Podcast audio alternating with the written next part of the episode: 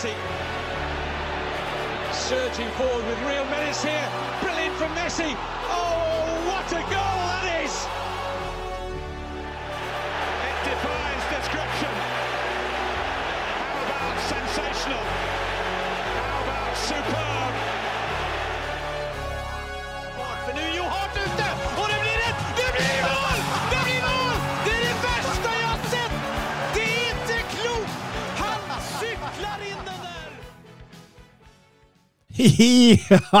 Da er vi her igjen! I studio. Velkommen til episode 136 av den eh, meget kreative og velbalanserte fotballpodkasten 90 minutter. Eh, Studio igjen. Mats Søren, hyggelig å se dere igjen. Takk i like måte. Jo, takk i like måte. Takk for at jeg fikk være med. ja, det er sånn som regel. Altså, det, det, det er eh, Vi er vel inne nå i eh, ordinære episode 136. Men vi har egentlig 138 episoder, fordi vi har jo også to uordinære.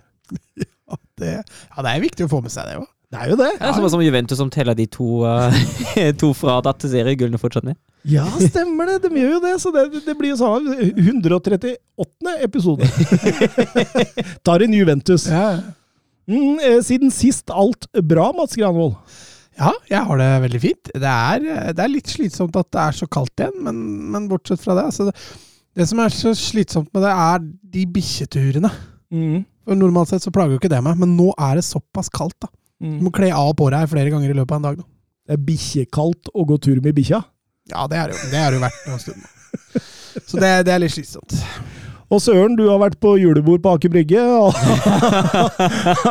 Alt bra siden Nei, jeg har det veldig fint, ja. Ja? ja. Du koser deg og ingenting å klage på? Ingenting å klage på. Ingen Eller, ha- det jo Wolfsburg var jo litt dårlig til, til Ja, helgen. Jeg kommer tilbake til. Ja. Men uh, ja. Ingen å hate? eller? Jeg hater ingen. Nei. Nei, nei, men det er flott, det. Absolutt. Da, da er vi på stell, da! Da er vi faktisk på stell. Hater du noe?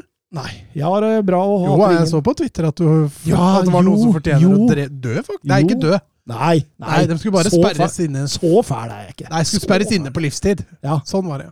Det er de, eh, de Altså, jeg har alltid hatt et lite nag for de personene som går veldig, veldig sakte inne på kjøpesenter eller på trange fortau eller noe sånt noe. Det er liksom sånn Jeg er en fast walker. Jeg skal fra A til B. Jeg skal gjøre det fort. Jeg skal ikke gå der og se på alt og, og, og Nei. Men en ting som irriterer meg enda mer, det er de som går to og tre på rad. Altså i, lenge, altså I bred- i bred, bredderetningen. Og, og, og sperrer da all fremkomst for de som kommer eh, bakfra eller i møte. Det irriterer meg også. De kan godt bli sperra inne. Er dere med meg på det, eller? Ja, jeg skjønner hva du mener. Altså, det Kommer litt an på hvor bred veien er òg, da. Ja, det er klart. altså Jeg, jeg bryr meg ikke nevneverdig på Karl Johan. Det er Nei, ikke, ikke det jeg sier. Altså Det må være sånn at det er eh, du, du, du må på en måte ta hensyn til at andre kanskje går litt fortere enn deg. da. Det hensynet der er det for mye å be om. Ja, på gata så er det Da irriterer ikke jeg meg over sånt, men jeg er helt enig med deg på senteret. På senter og butikker og sånt, da er det fryktelig slitsomt. Ja, ja. Eh, grunnen til raseriet denne gangen, det var jo den broa mellom Oslo S og bussterminalen. Ja, Den er jo lang. Ja, den er lang, men, og han er ganske brei, men det, men det går ikke fire-fem i bredden før du sperrer av hele innfartsåra, altså. Mm. Og, og jeg skulle jo rekke en buss, så øh, da, da Jeg tror ikke jeg var så hyggelig, faktisk. Nei. Nei. Men du sa fra? Ja, selvfølgelig sier jeg fra, du kjenner jo meg. Ja. Hva sa du da? Jeg sa 'kan dere være så snill å tenke på andre enn dere selv'? Mm. Ja. Mm. Og, da, og det gjorde de. Ja, da flytta de seg. Ja. Mm. Så verre var det ikke. Nei. Men jeg blei sikkert oppfatta som den litt sånn sure Ja, ja, men det, det, det får gå. Ja. Jeg er ofte den rollen uansett, jeg. Em, eh, hva er det jeg skulle si? Jo, vi, vi kan ta et, et Twitter-spørsmål aller, aller først. Eh, vår kjære Anders Hansen. Ikke Mats, men Anders Hansen. Eh, Siden i dag er siste mulighet for meg å snike inn litt norsk ball, kan vi få en kjapp preview på søndagens runde? Hvordan ender topp to og bunn tre? Forsafjorden på søndag, forresten. Søren, sier han. Altså, hva, hva, hva, hva er fjorden? Sandefjord, regner jeg med. Ja, jeg tipper Ja, for han det. er jo Sandefjord-fan. Tipper det. Um, mot Sandefjord nå sist eh, på Er han Sandefjord-fan? Ja, jeg tror det. Han var vel på Jeg mener at vi ble tagga på Twitter da han var på den første hjemmekampen Eller på hjemmekamp mellom Sandefjord og Stemmer Lillestrøm. Stemmer. Det var vel da. sk- skrøt litt av, trekk, av trykket fra Kanarifans, hvis jeg husker det helt feil. Ja, når du sier det. Når du sier det. Ja. Men, eh, men du har vel noen meninger om norsk Ja, ball? det har jeg. Eh, det er jo topp to. Det er jo uh, Bodø-Glimt og Molde. Uh, og Bodø-Glimt ligger tre poeng foran Molde, så de trenger ett poeng uh, borte mot Mjøndalen. Jeg tror den kampen vinner de. Uh, da spiller det ingen rolle eh, hva Molde gjør mot Haugesund borte. Men, de tror- men, men, men Molde taper i Haugesund? Er ikke Haugesund veldig gode hjemme? Haugesund ligger på tiendeplass, da. Og Jo, men de er litt sånn De er litt sånn de har ikke hjemme. vunnet på fem kamper. Ja, ok. Så, Det er fem bortekamper, da, Thomas. ja, det i hvert fall fem kamper. Men så, ja, litt sånn, litt sånn davne form ser det ut som. Men Bodø-Glimt spiller jo kamp i, i overmorgen, da. Så de får jo bare to kamper eh, restitusjon før Mjøndalen. Ja, og de skal, de skal vel på borte... De skal på bortebane. Skal til og med til Hvor er de skulle hen? ja, de skal til Mjøndalen. Konsto. ja, men også i Og ja, Europa. eh, Ukraina. Den er litt verre enn Ja. Konsto, altså. Ja, ja. Men jeg tror, jeg tror fortsatt Glimt uh, vinner, i hvert fall tar med seg et poeng mot Mjøndalen. Uh, og samtidig sender jo Mjøndalen ned.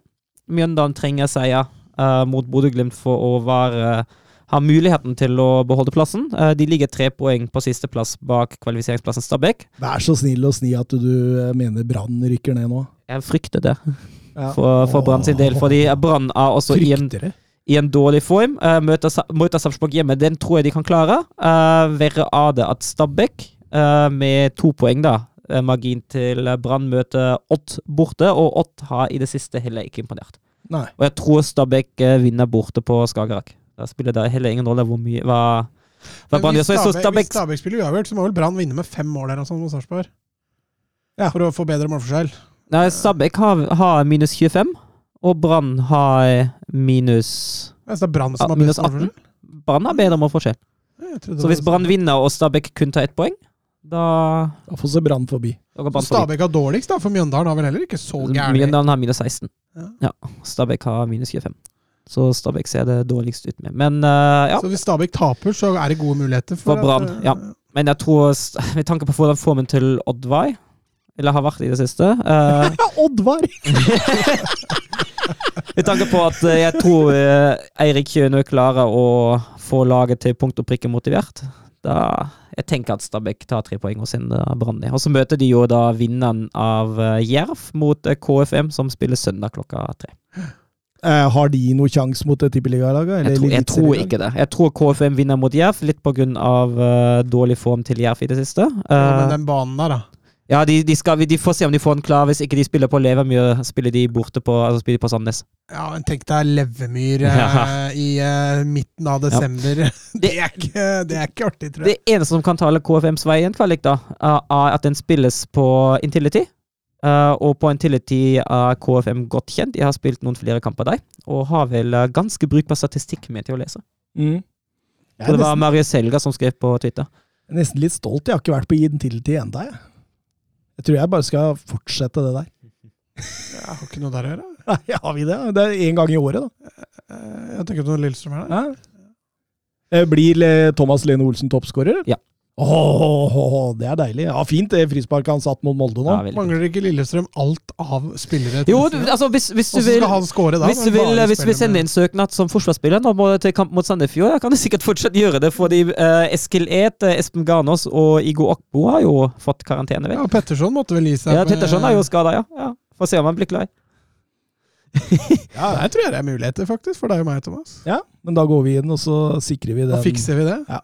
To langpasninger på Lene, så er han toppskårer. Og det er jo, det er jo ett poeng. Ja. Det er jo ett poeng bak RBK, og enda viktigere er jo ett poeng foran Vålerenga. Og det hadde jo vært veldig fint å avslutte sesongen på femteplassen foran Vålerenga. Hvem er det Vålerenga Ja, møter? Ja, Kristiansund borte, den er, den Den er er vriende den er tøff. Den er vriende Den- nå. Det er kanskje den jeg tenkte var tøff, og ikke Haugesund borte. Ja, Kristiansund borte, den er tøff. Den det er er to stunder, da. Så Ja, sånn går det. Jeg får ikke fulgt så mye med på norsk ball, men uh, Søren Døpker, du viser du har kontroll. Så halvveis, i hvert fall. Men uh, det vi skal over til nå, det har jeg mer kontroll på. Vi skal over til Premier League.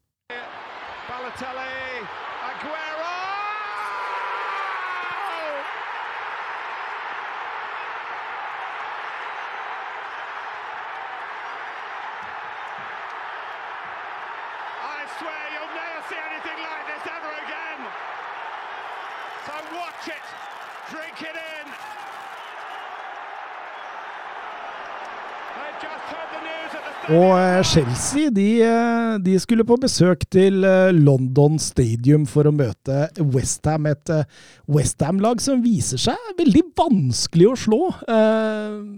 Så også denne gang, Mats Granvold. Ja, jeg må jo si det. Jeg synes jo, altså Det er jo litt to motsetninger som møtes, da, som, som skulle barke sammen her. Men eh, jeg syns jo Westham altså, de, de viker ikke for noen, altså. Og i hvert fall ikke på hjemmebane. Og det er Chelsea, selv om de har noen perioder hvor de dominerer ganske mye, så, så syns jeg Westham biter veldig godt fra seg i den kampen her. Og kontringsfotballen, og ikke minst Jared Bowen, det er, eh, det er klasse, altså. Mm. Jeg er helt enig. Og så er jo Jeg, jeg syns jo uh, Moyes har gjort jobben sin i forkant.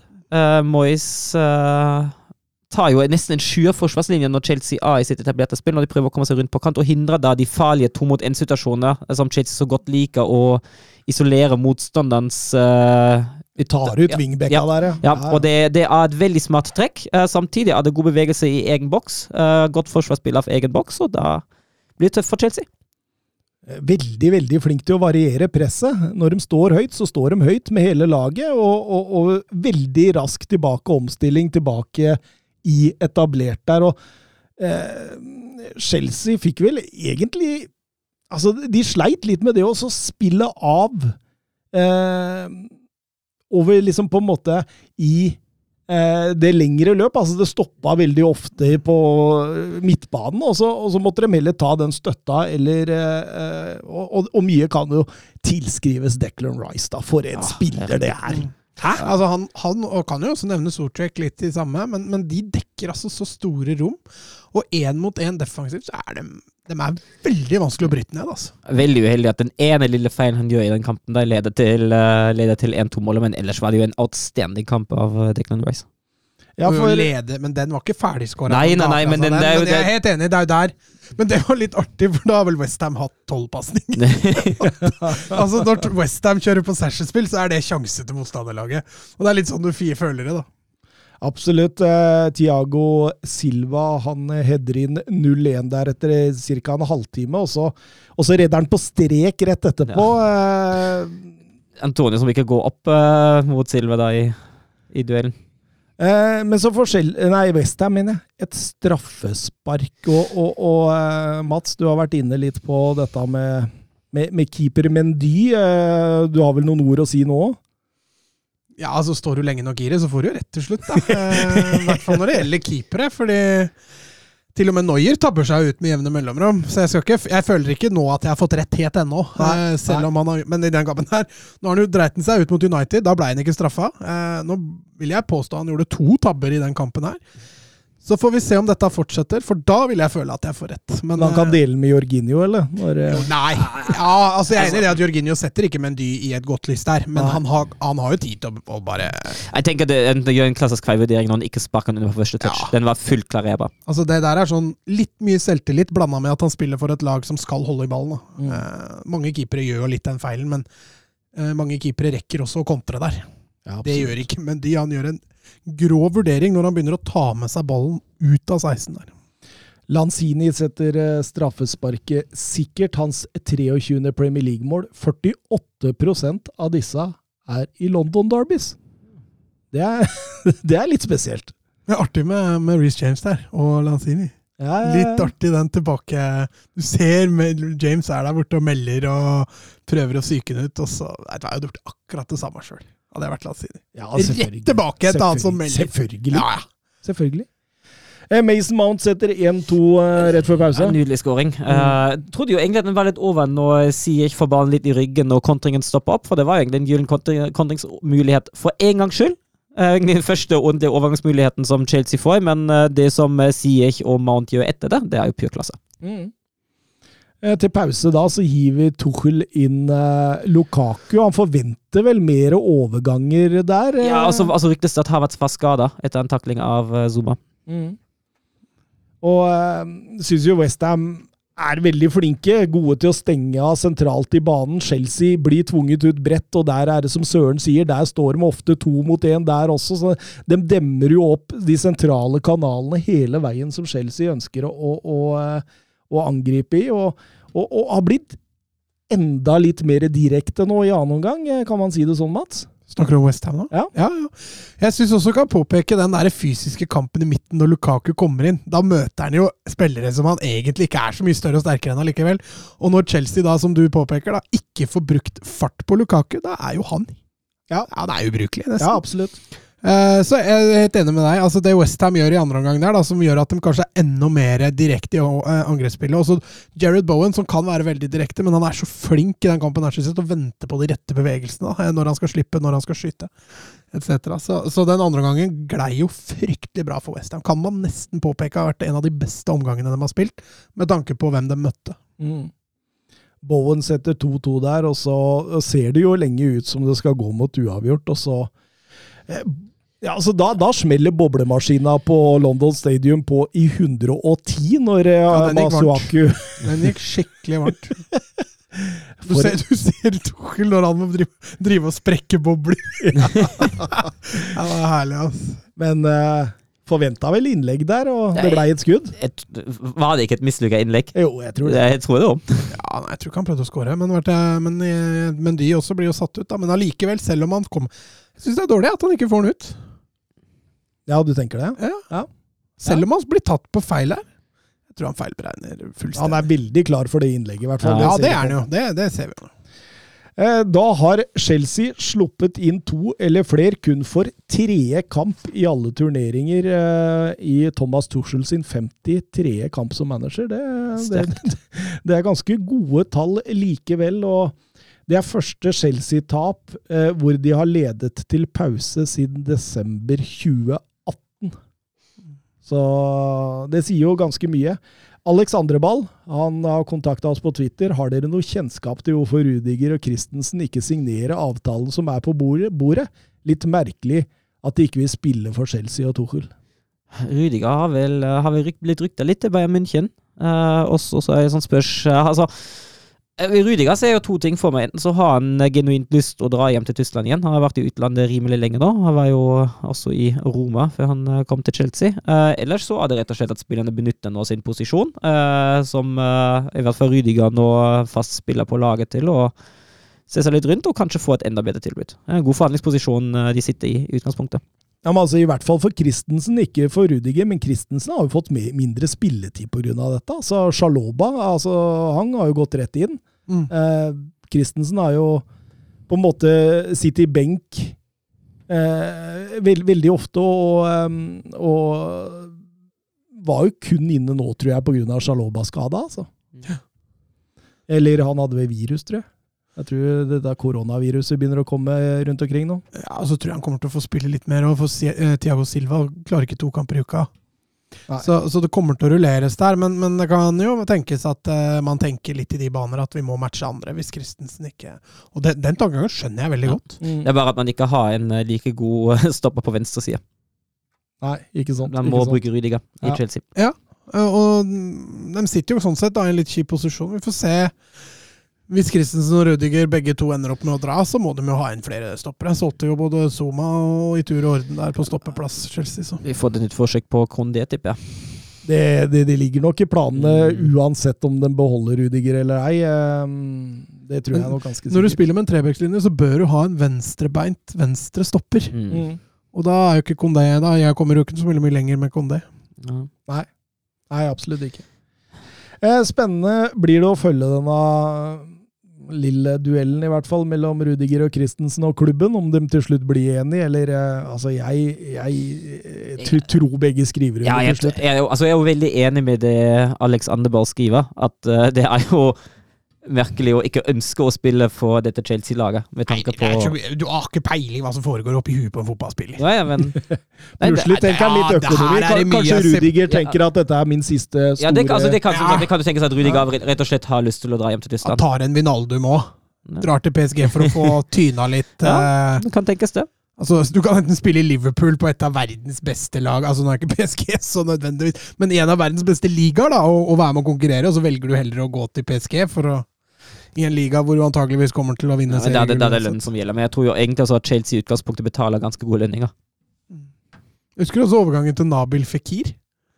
Den også kom litt sånn ut av det, helt ut av det blå. Var linka til Liverpool og hit og dit, og så ender han opp i Betis. Han var vel så å si klar for Liverpool. Han, Mm. han sto jo nærmest med skjorta i handa der når han uh, strøk på The Medical. Eh, litt usikker på om jeg helt kjøper den, at det plutselig blei en sånn, fordi det der, det så veldig klart ut. altså.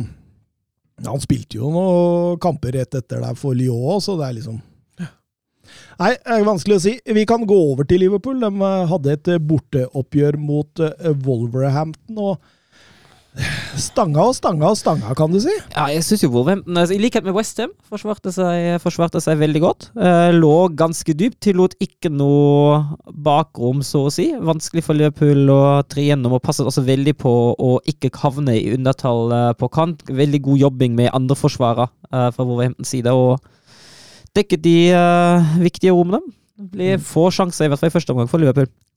Så du hvordan Wolverhampton innimellom la seg i to flate femmere, rett og slett? Og, og liksom på en måte sa ha det til toppresset? Mm.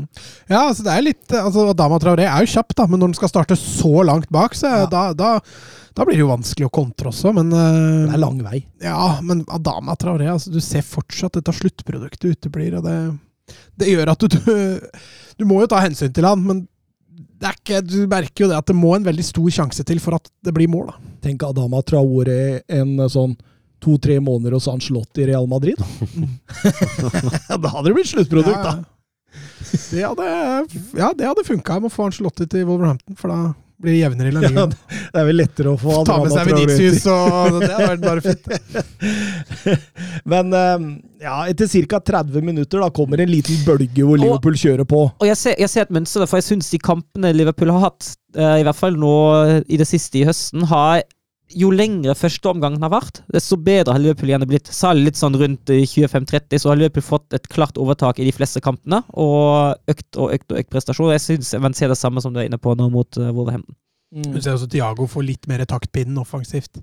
Det hjelper, altså, for da har du kreativ type. Og så når bekkene da i tillegg kommer oppover, sånn som vi er vant til å se, så Ja, så hjelper det at eh, både Salah og Mané trakk med innover. Og Ja, ja, men økte det er jo, gir jo ja. plass. Ja.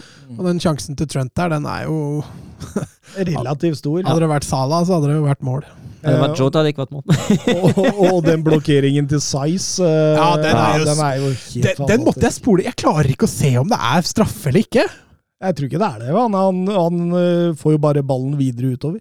Ja, er han på ball? Altså? Jeg sleit med å se det. Det er verdensklassetakling. Det må det jo, det må det jo være, da. Du, ser jo, altså, du kjenner jo Salah. Han hadde klaga mye mer hvis han hadde blitt uh... Ja, ja, det hadde han gjort. Eh, Men eh, utover i annen omgang, eh, trykket bare fortsetter, og så er vel vi inne på det, Søren. Du, dymta ymta bortpå noe, Diego, Diogo Jota? Ja, det er jo en fryktelig feilberegning der av keeperen sa. Og Jota får fribane mot mål. Eh, og så trekker han inn og trekker han inn og kommer seg i skikkelig god avslutningsposisjon.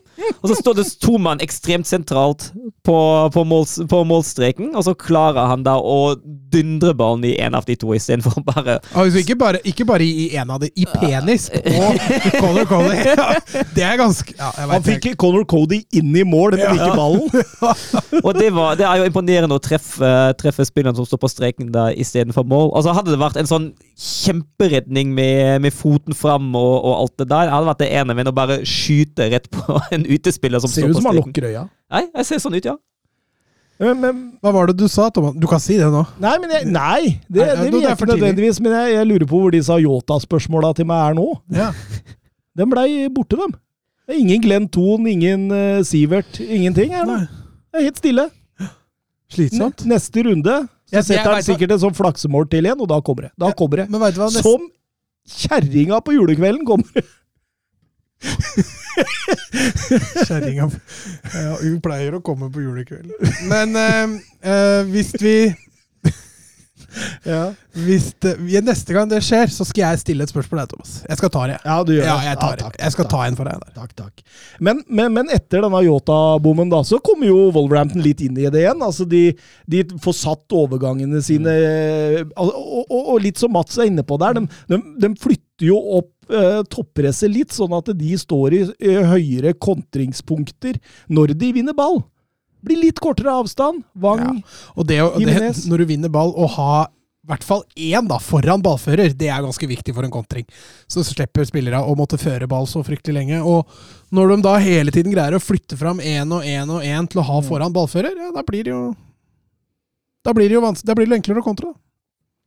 Men eh, så ser det ut til å gå mot 0-0, og så kommer Divok Origi. Ja. Det er se- 90 pluss 90 pluss 4. En nydelig lang ball av eh, Van Dijk mot, uh, mot Salah i utgangspunktet. Det skal jo også nevnes der. Ja, det er medtaket til Ja, Salah. å, herlig. Og fin assist. Og det første, første touchet til Origi også. Hvordan han, eh, hvordan han skaffer seg rom med første touch og vender bort. Og, ja, det, det er en praktskåring.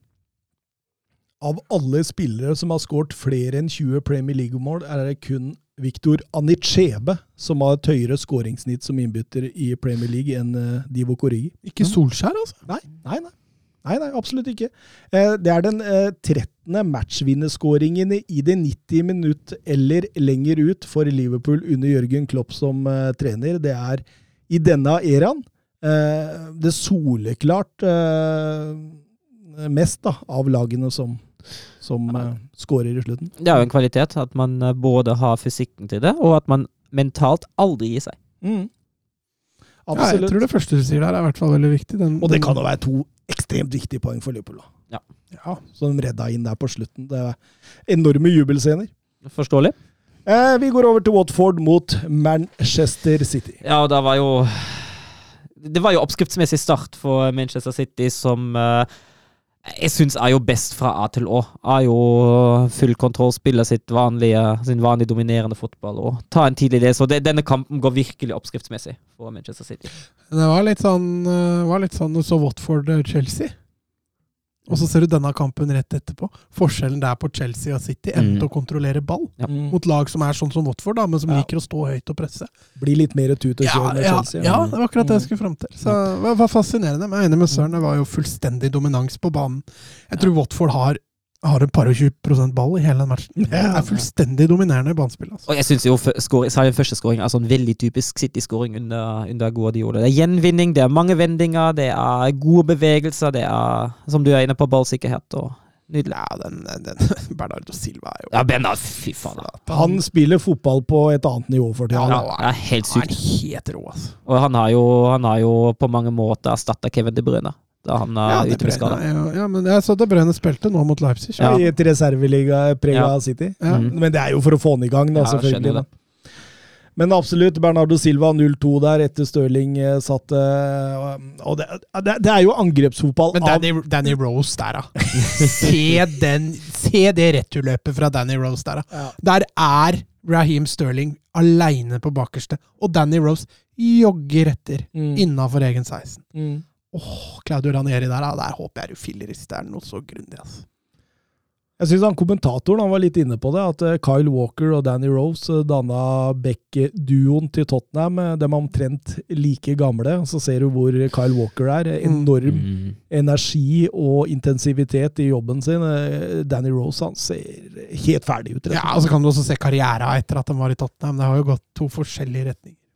Du mener at uh, lån til Newcastle er ikke noe særlig Nei, han fikk jo ikke fikk. Altså, Walker har jo nå en karriere i City. Ja. Danny Rose har jo egentlig ikke hatt en karriere noe sted. Kanskje litt i Tottenham, men det, det, er, det er hvis vi er snille. Men Men, men angrepsfotballen City viser Det er, det er så ekstremt høy klasse i det. Altså, flytte ball, bevegelsene, motsatte bevegelser, vendinger, tre innvendig og utvendig hele veien. Altså eh, Det burde jo strengt tatt vært mye mer enn 0-2 der til ja, altså kjenner litt igjen mønsteret offensivt. Hvordan de er så flinke til å true rommet mellom stopper og bekk og mellom stopper og stopper. Og så kommer da Kyle Walker gang på gang på høyresida og, og Nei, Vi har jo nevnt det sikkert en million ganger. Hadde de hatt noen å slå innlegg på også, så kunne de faktisk variert den delen av angrepet sitt også, men ja. Og det er jo det, det Watford prøver seg på, å være smale. Men det funker jo, funker jo bare ikke når City er så gode. Det, Nei, og så har de jo litt med en gang den ene goalen til Bernardo Silva der. Der har han jo Ja, litt jo. tur når han får med seg ballen, men uh, det, han, det keeperen gjør der, òg, han åpner jo opp hele målet for at han skal få sette den på innsida. Men uh, til gjengjeld kunne jeg ha skåret tidligere. Ja, ja, altså burde, City kunne ha skåret sju-åtte mål der. da. Skal vi skryte litt av, av Jack Grealish denne gangen, eller? Ja, jeg syns han var god. Dette er det beste jeg har sett han i City. Ja, Har du ikke sett Leipzig-kampen nå, da? Nei, det har jeg ikke sett foreløpig, Nei, Jeg så bare første gang da, før jeg kom hit. Men, Ja, var den god da, eller? Nei, Nei. han var ikke noe spesielt. Nei, det var vel ikke noe City så vel kanskje litt avslått ut, øh, kan jeg tenke meg, med det, med det oppstillinga de stiller og Jo, men de, dominerte banespill og sånn, men jeg syns Leipzig var vasse i kontringene. Uh, Beyer-lortzer får, øh, får kontroll på det. Altså. det tror jeg ikke på. Men eh, han uh, Altså, jeg tror jo han fikk jo en litt takknemlig oppgave med tanke på at City allerede har vunnet uh, gruppa. Vil dere vite stillinga nå. Ja. Han leder 2-0 med Leipzig. Ja. Det var Szoboszlai og nå nettopp uh, André Silva som skåra. André Silva brant verdens største sjanse i første omgang. Kan vi jo si at uh, Vi kommer tilbake til det, men eh, Leipzig kan jo faktisk ikke synke dypere enn uh, en den Union-kampen nå. Nei, absolutt ikke. Men vi tar, vi tar ferdig. eh, en gammel kjenning fra La Liga, Mats. Han var jo på lån der i, i fjor, eh, som setter 1-3 og trøstemålet. Juan Hernandez. Eh, den goalen var jævlig kul. Mm. Først da når han velger å gå på skudd der. Ja, Joshua King hadde jo sikkert blitt forbanna hvis han ikke hadde endt opp å skåre, men måten han setter retur på, det er den som er kul. En sånn takling Ja, Han bare kaster seg fram der for å komme på ball. Men det som er bra, er at han ikke stopper opp etter han har skutt. Han Mm. fortsetter å løpe. Mm. Så det, nei, det var en eh, artig skåring. Ja, absolutt. Eh, Joshua King en stor en rett etterpå der, og da tenkte jeg Hvis den hadde kommet, og det hadde blitt to-tre Ja. der For da kunne du fått det der Husker du det der Manchester United-kjøret som eh, eh, på Wickeridge der? Mm. Nei, jeg er helt enig, og det er en stor sjanse han får der også. Også Hernandez som, som spiller han opp der, eh, bør jo sette den der. Men eh, Eller i hvert, hvert fall få den på mål. City greit 3-1. Ja, fullt fortjent.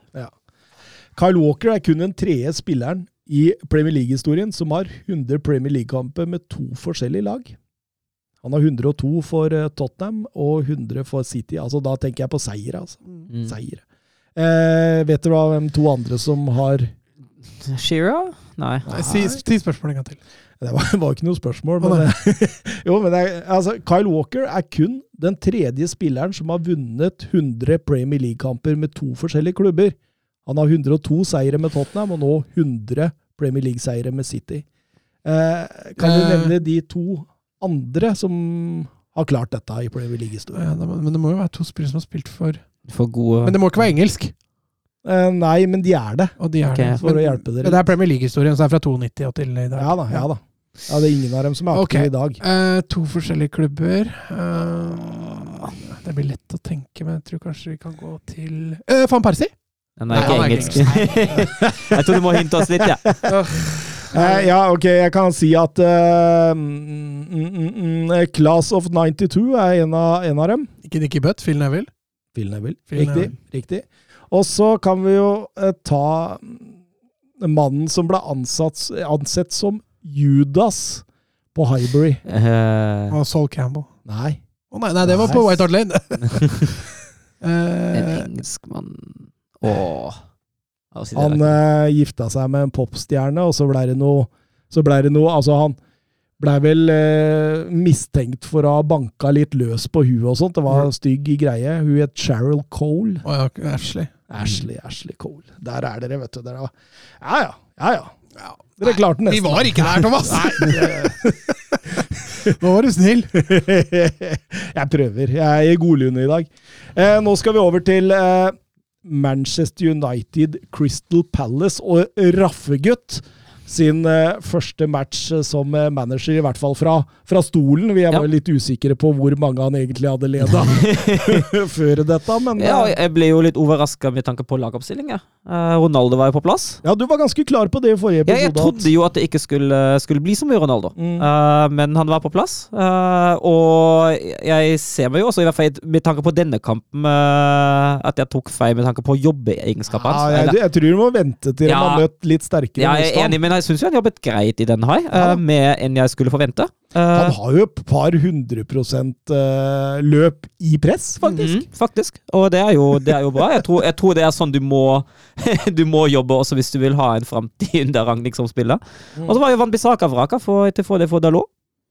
Til pass, syns jeg egentlig. Ja, jeg syns også det. Jeg syns Dalot gjorde det greit, og med tanke på hvilken inngang uh, Ragnhild valgte, og hvor viktig uh, de bekkene ble eh, i posisjoneringsspillet, i presspillet mot ballen, uh, tenker jeg at Dalot var det rette valget. For Van Bissaka hadde bare stått et eller annet sted, men langt, langt unna og fullstendig feilplassert mot ballen. Mm, mm. Så du noen lyspunkter, Mats? Ja, jeg så det. Jeg syns det var helt klart bedre offensivt. Eh, I, I det høye presset for United, der syns jeg de har tatt steg allerede. Eh, Det var kortere avstander i det høye presset. Du ser dem sende fram flere folk, som jeg har etterlyst eh, lenge. Og som Søren påpekte da med Ronaldo som eksempel, er at det er litt mer aggressivt. Det er ikke den der jogginga imellom kun for å stenge rom, men det er faktisk et press for å prøve å vinne ball, og det, det savna litt. Så helt klart fremgang. Eh, Defensivt. Litt heldige som ikke slipper inn mål i den kampen her, men eh, kan det ha vært litt lyspunkter defensivt òg? Ja, Jeg syns jo, jo også frispillinga ser bedre ut. Eh, du, har no, du har noen blundere fortsatt, uh, men det du har vært inne på, Mats, jeg syns det skapes med alternativer. Uh, Mm. Som du har etterlyst også mot, eh, var det mot Chelsea. Jeg tror det. Mm. Eh, jeg syns også den offensive markeringen ser bra ut. I hvert fall i denne 4-2-2-2 eh, som Ragnhild valgte. Da, det, da ser det ganske godt ut eh, med tanke på den gjenvinninga som er så viktig for Ralf Ragnvik. Ja, altså, jeg også ser det er flere aspekter allerede som Altså eh, eh, de, de skaper jo ikke voldsomt med sjanser ut av det, men, men samtidig så ser du Ok, det er noe å bygge på her. Ja, Her er altså- det noe å jobbe med. Altså, med tanke på at han sikkert har vært på treningsfeltet to ganger, og har sikkert brukt mye tid på, på, på tavla, eh, så er det ganske god fremgang. Eh, så får vi se, som du sier. Nå har de jo møtt mye av de bra motstandere. Jeg tror ikke de har all verden i juleprogrammet. De har egentlig en ganske snill desember, de. Ja, så, så her er det mulig for Ragnhild å sette et brukbart, eh, brukbart eh, hva heter det for noe, grunnlag. Til det blir hardere i, eh, januar, nei, i februar, eh, mars, og så skal de sikkert ha sluttspill i Champions League. Og så, ja, han trenger den perioden her på å bygge, bygge, bygge laget. Og, og, og så tenker jeg jo altså Palace har jo blitt voldsomt mye mer spillende under Vieira, men det er jo ikke et prosjekt som er fullbyrda.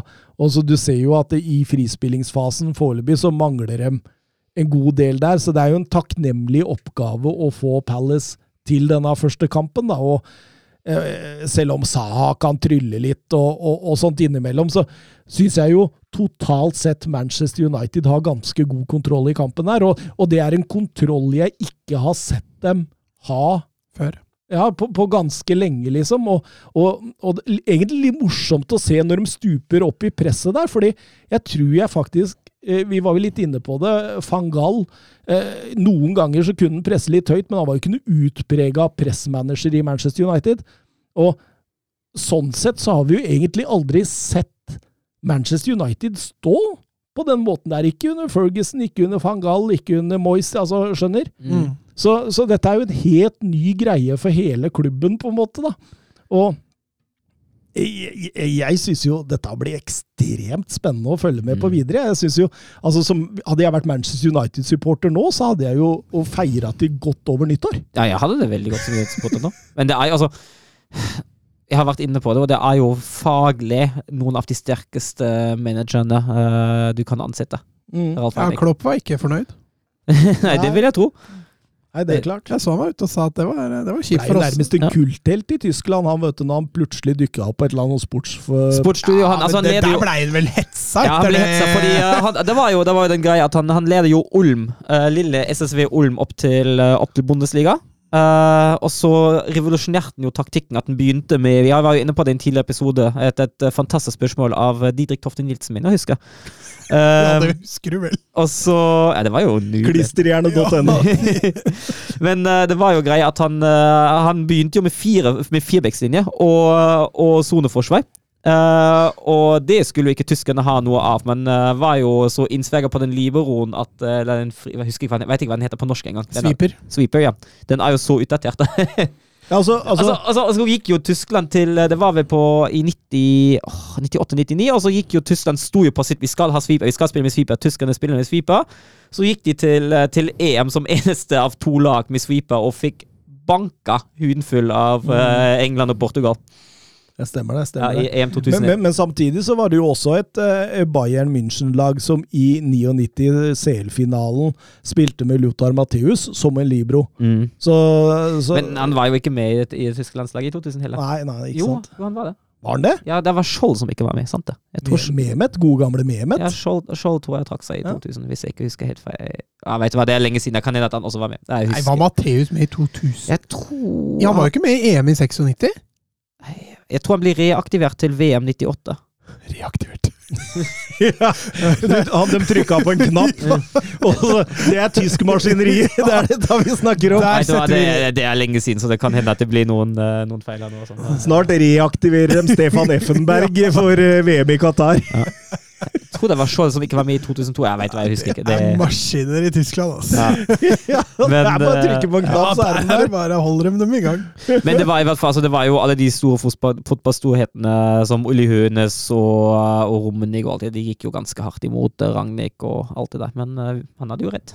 Han hadde rett. Eh, Det blei jo en trend i hele fotball-Europa. og mange av de største managerne i dag har jo henta inspirasjon fra nettopp det Ja. TV-programmet, omtrent, da, hvis du kan Ja. dra parallellen så langt. Mm. Han sa, han sa jo også for å avslutte der, sa jo etterkant også at han, eh, han mente vel at det ikke var helt riktig, for han mente at han opptrådde litt for belarende, da.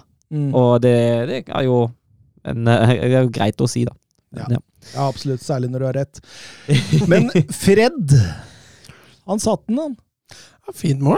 Mm. Ja, for all del. For all del. Uh, mye følelse og andakt i, den, i det treffet han har der. Uh, fin bue og helt bort til lengste. Men der ser du marginene i fotball og Aju. Tidenes mulighet. Ja. Minuttene før. Mm. Ikke sant? Og da hadde plutselig alt dette positive vi snakker om da Da hadde det blitt i grus, ja. Ja, ikke sant? Så det, det, det er jo, altså Fotball er jo marginer òg.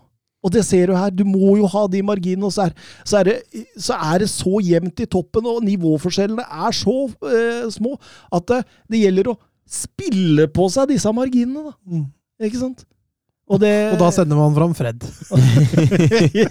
ja, men det, det ja, Fred ga dem, eh, ga dem to bonuspoeng han, i denne kampen. Ja, ja. Men hvis han får i gang Fred skikkelig Jeg syns jo Fred var decent i den kampen her. Eh, Får han i gang Fred skikkelig da, Altså Får han i gang Phil Jones, da skal han på påle, han Ralf Ragnhild. Da, da, skal, da står han utafor sammen med Bob eh, sir Matt, Busby. Matt Busby. sir Bobby Charlton på, på sokkel. Sir Matt Bobby Matt Busby. Han har fått bare alle legendene sammen. Matt Busby Babes. Men eh, 1-0 til Manchester United. eh, Fortjent det, og Ralf Ragnhild har fått en god start eh, på Manchester United-karrieren sin. Eh, De vant ballen tolv ganger eh, på siste tredel eh, i denne kampen. Det er fem mer enn noen annen i Premier League eh, denne sesongen, ifølge Oppda, for Manchester United, altså. Ja, det sier jo litt om Ragnhilds filosofi. Og Ragnhild er den sjette tyskeren i Premier League, og ingen, altså som manager, og ingen av de fem foregående vant debuten sin. Oi! Ja, det er jo litt Mhm. spenstig. Fordi Kan de du var, ta de fem første? Uh, Tore Klopp, i hvert fall. Uh, så mener jeg at Magad har trent Fulham i Premier League. Uh, Må ikke glemme den sparka Norwich-treneren nå. ja, Farke, selvfølgelig. Uh, og nei, Wagner er vel, var vel amerikansk statsborger. Er Ja, amerikansk han er ikke Den regna ikke med her. statsborger. Eh, og den siste trenger jeg hint på, tror jeg. Det var han som tok over for Wagner en liten periode der. Ja, han um, da, Han er i Ja, Huddersfield? Ja, han Jan ja, Sivert. Ja, sant det. Ja. Mhm, mm. Eh, vi må over til noen Twitter-spørsmål, fordi Vebjørn Fredheim han spør hvor behøver Ragnhild å forsterke for å, få Manchester United opp på nivået til de tre topplagene. ja, jeg tenker jo også altså, Den sentrale midtballen den skriker jo etter forsterkninger. Mm. Uh, den gjør jo det. Uh, den, uh, selv om jeg er enig med deg, at Fred ser litt bedre ut. Altså, men å ha Fred og McTominay, særlig hvis du skal spille en 4-2-2, og la de to da bestemme rytmen, eh, det går ikke på, det går ikke på sikt. Og hvis de skal bli såpass ansvarlige for, for å holde på ballen sentralt eh, og spille aktivt uh, framover istedenfor bare å ha defensive oppgaver. Da trenger man noe nytt. Jeg tenker jo også at, vent, at høyrebekken er også et naturlig forbedringsområde. Mm.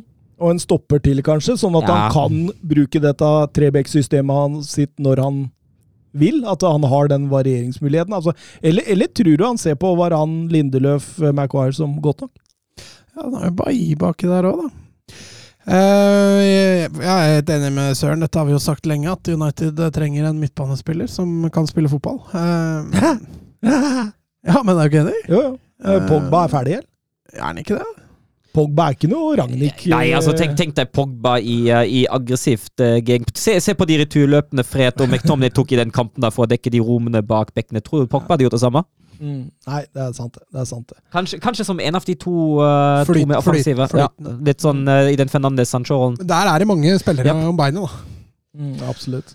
Og så er det klart, eh, en spiss til. eh, Rein nier. En rein nier. Altså Kavani er jo Men han er jo mye skada, da. Mye ute av det. Så kan være en- Ronaldo kan jo flytte litt rundt, så Jo, men uh, som Søren er inne på, veldig spent på åssen dette er i lengden med Ja. han. altså.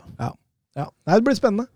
Uh, vi må over til Tottenham mot uh, Norwich. Og, og Conte med to seire, én uavgjort og null tap på sine tre første Premier League-kamper. Uh, fikk vel et ganske klart favorittstempel, selv om Norwich under Dean Smith har jo også unngått tap. Mm. Så, så, så og, og Norwich åpner jo faktisk best. Ja, Norwich åpner best, med den, eh, særlig med den du tenker på den kjempesjansen til, uh, til Pukki tidlig i kampen. Da. Men det var litt sånn det mønsteret som Norwich eh, spilte på. Komme seg inn bak vingbekkene til Tottenham og prøve å slå innlegg. Eh, jeg syns jo Tottenham etter hvert er veldig gode til å forsvare egen boks, og det blir mindre truende. Men eh, i starten trengte de litt justering.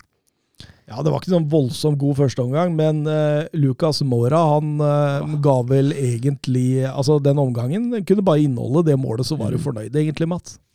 Ja, det var noe eget over det målet der. Den måten han tapper den forbi og, og setter opp veggen med sånn, og, og så uh, venter han ute. To Men Norwich-spillere. feilvendt igjen før han vender Ja. tilbake igjen. Det er det jeg sier, Han venter ut forsvarsspillere før han vender motsatt og, og får rettvendt seg igjen. og Det, det treffet der, det er brukbart reint, altså. For den ballen ligger ganske rolig i lufta når den, når den går inn der, og keeper har ikke en nubbekjangs. Mm. Ferdigskåra fra Son, da, men, men bortsett fra det, veldig bra. Ferdigskåra, ja.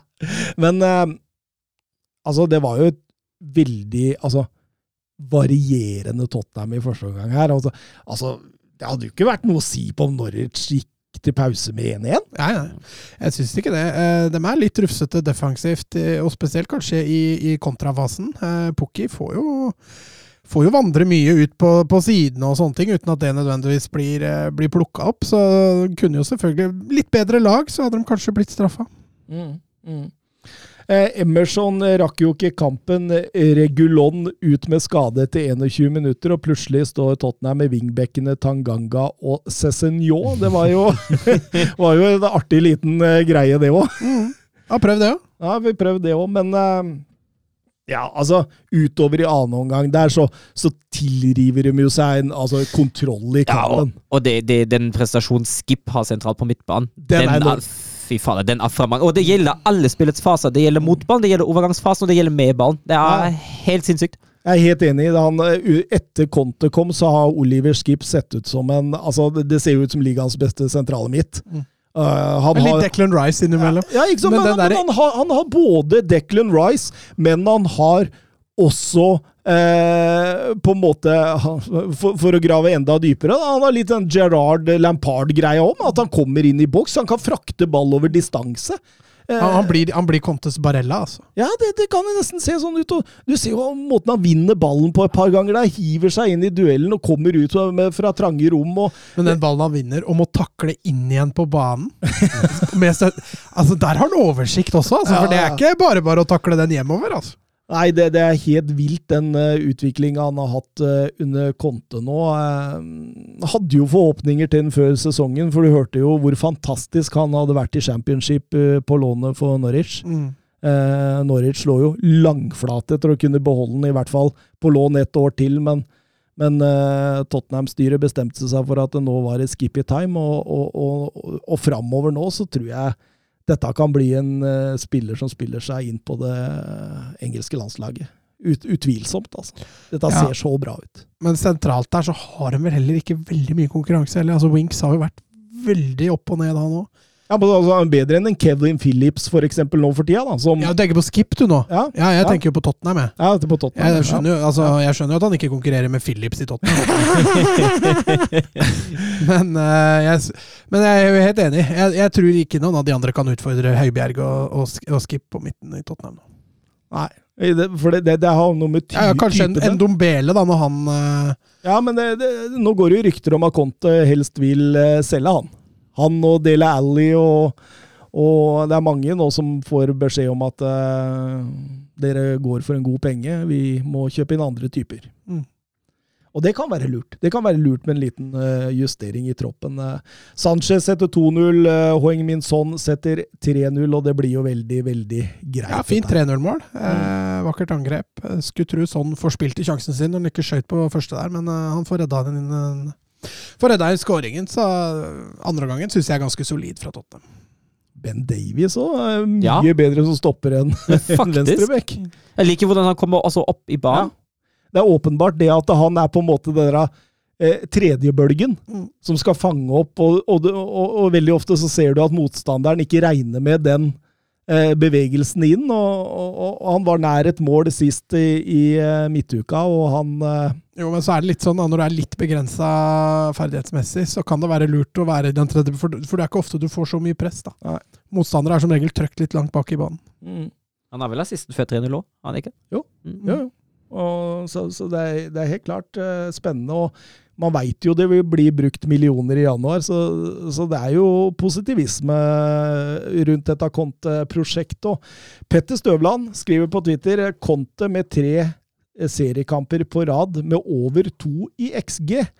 Selv om Kane ikke skårer, øker XG-en hans for hver kamp. Sky is the limit. ja, for han har ikke fått i gang Kane på målskårerlista ennå. Nei, men det gjorde ikke Spirito Santo heller. Nei. Så, men eh, ja, det er jo som du sier. eh, Han virker litt eh, høye skuldre foran målet, Kane. Og så er det jo, det er jo litt utur òg. Den der Son skyter i Kane, altså, den kan jo gå hvor som helst. Så, så det er snakk om litt marginer her også, men jeg tror når det løsner for Kane, så Han spiller jo med disse Mora og Son på siden av seg, så, så dette, jeg tror dette løsner ganske snart. Altså. Deilig, deilig ord for Tottenham-fansen. Eh, det var kamp i går kveld òg. Everton mot Arsenal. Ja, apropos marginer. Apropos Eh, marginer. Vil vil dere vite X-gen på den kampen? Nei. Ja, det var lavt på Arsenal. Jeg tror det var 0, et eller annet. 1,06 mot 1,06. Ja. Akkurat lik. Så det burde vært uavgjort. Ja. Men eh, det, det blir jo en forholdsvis jevn kamp i første omgang. Jeg syns Arsenal åpner best, eh, tar mye ball, men, men det er jo ingen ball som truer rom. Det er jo ingen ball Nei, men, det, fremover. men det, er jo, det er jo klassisk Arsenal. Det er jo klassisk altså Jeg tror vi sitter her gang på gang og snakker om hvor sidelengs Arsenal spiller. Men det er- de har ikke én avslutning på mål før i det 47. Nei. 47. minutt. Men du, i postmatch-intervjuet med Arteta så sier jo han det samme. Så han veit jo om det. Ja, men han gjør jo ikke noe med det. Du må ta ut Eller, du må ellers, ta ut er det Ødegaard. ellers er det spillere som ikke gjør noe med det. Men det er jo Martin Ødegaard som setter Ja, veldig fin skåring. Ja, Ja, fin ja. scoring. Herlig balansert, god timing og bra treff. Frustrasjon hos eh, Everton går fra 1-0 til 0-1 på to minutter. Den er bitte. Og det da bare en øreflipp i offside. Ser Everton mangler, mangler eh, Flyt. Dominic Calvert. Det mangler flyt òg. Ja. Det kommer til mye innlegg. Det kommer til mye innlegg, og der er jo Calvert Lewin enestående å ha. Ja. Absolutt. Kenguruen. Men vi får et eh, spørsmål her på Twitter eh, fra Hobber. Um, Godfrey smålucky over å få spille en hel kamp, eller og da tror jeg han tenker på når han Ja, stempler i trynet. Ja. Tom Yasu der. ja, jeg tenker jo også Han er jo, han er jo litt heldig der. Jeg, Han, han ser ned ja, før han ja, fordi han ser, jeg, tenker at det han gjør, at han ser ned, og så ser han demonstrativt vekk, Ja. og så stempler han. Det er så veldig uh... Jo, men reaksjonen etter han tråkker den i trynet, mm, den er jo ikke til å ta feil av. For da prøver Han prøver jo så godt han kan å komme seg unna. mm. Du ser han liksom fjærer i Ja, faen, beinet. ja. Han tråkker ikke ned, han prøver å fjære. Det er nesten så han legger seg ned bare for å ta av vekta. Nei, det der ser for meg ikke ut som en vilje. Men spørsmålet er, du skal jo settes til ansvar for handlingene dine uansett om de er med vilje eller ikke. Mm. Og da kommer det jo et annet spørsmål inn i Men det er ikke lett å vite at Tomiyasu skal leke snegle der. Nei. Nei, det er jo akkurat det, da. Ehm, fordi, men å tråkke en kar på trynet når som helst i livet er jo ikke bra. Nei. Det Altså, kan, kan, altså jeg, er Dagens motto fra Mats. jeg, tipper, jeg tipper jo hvis dommen hadde sett det og oppfattet det som et rødt kort, hadde ikke VAR gjort om på det. det er jo, Var det ikke sjekka? Jo, det var sjekka. Hva har, jeg har ikke gjort om på det. Uh, det er jo, er jo noe med clear and obvious, uh, og det kan jo godt tenkes at det er en altså, det, Etter jeg- min mening sånn Jeg tror han reddes av et u- Kategoriserer seg som et uhell. Ja. Men jeg tror ikke, altså hvis man hadde oppfattet det som stygt og hadde blitt utvist, tror jeg ikke VAR hadde gjort med det heller. Nei, for det er jo litt sånn. Hvis du grisetakler en spiller, men prøver jo å ta ball, selvfølgelig. Det er jo bare et uhell. Du får jo rødt kort. Det gjør det. Ja. det, gjør det. Uh, men eh, utover i annen omgang der eh, Everton får nok en gang et eh, mål. Det er enda mindre offside enn Ja, den var enda mer hårfin. Og så sitter han alle gode ting er tre for Rikarlisson. Mm. Nei, det Eh, var, eh, var jo også et fint mål. Ja, men ikke i nærheten av så fint som seiersmålet. Nei, den var great. Den XG-en der tror jeg ikke var så høy. Nei, den, eh, jeg, jeg tror jo også at den Ketia fem minutter før står for halvparten av Arsenals XG i den kampen, minst. Nei, han, drar, han drar seg veldig fint inn der og, og bare limer Ja, den er inn. nydelig. Herlig scoring. Strålende scoring. Ja, Strålende ja, scoring. helt nydelig.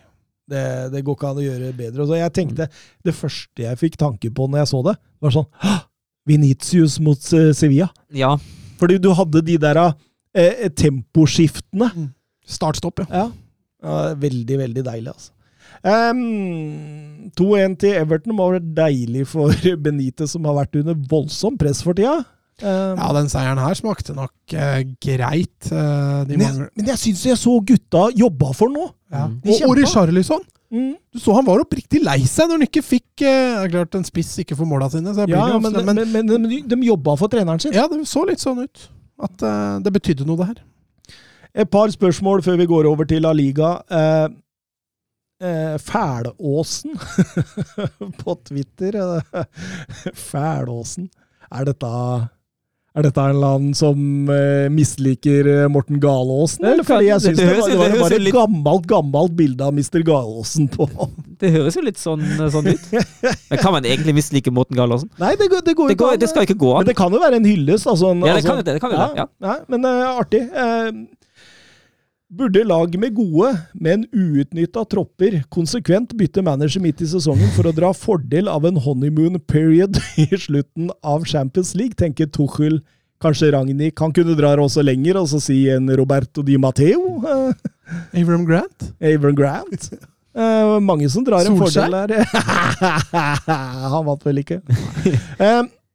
Eh, hva tenker du, Søren? Jeg tenker jo hvis man ansetter de riktige trenere fra start uh, Det, det er bedre. det, er, det er mye Det bedre. er bedre å mye dra en klopp, uh, bedre å dra en klopp. Det er Klopp eller Guardiola eller Guardiola har ikke vunnet Champions League. Nei, men eh, det vil fortsatt påstå at det er en riktig trener fra start.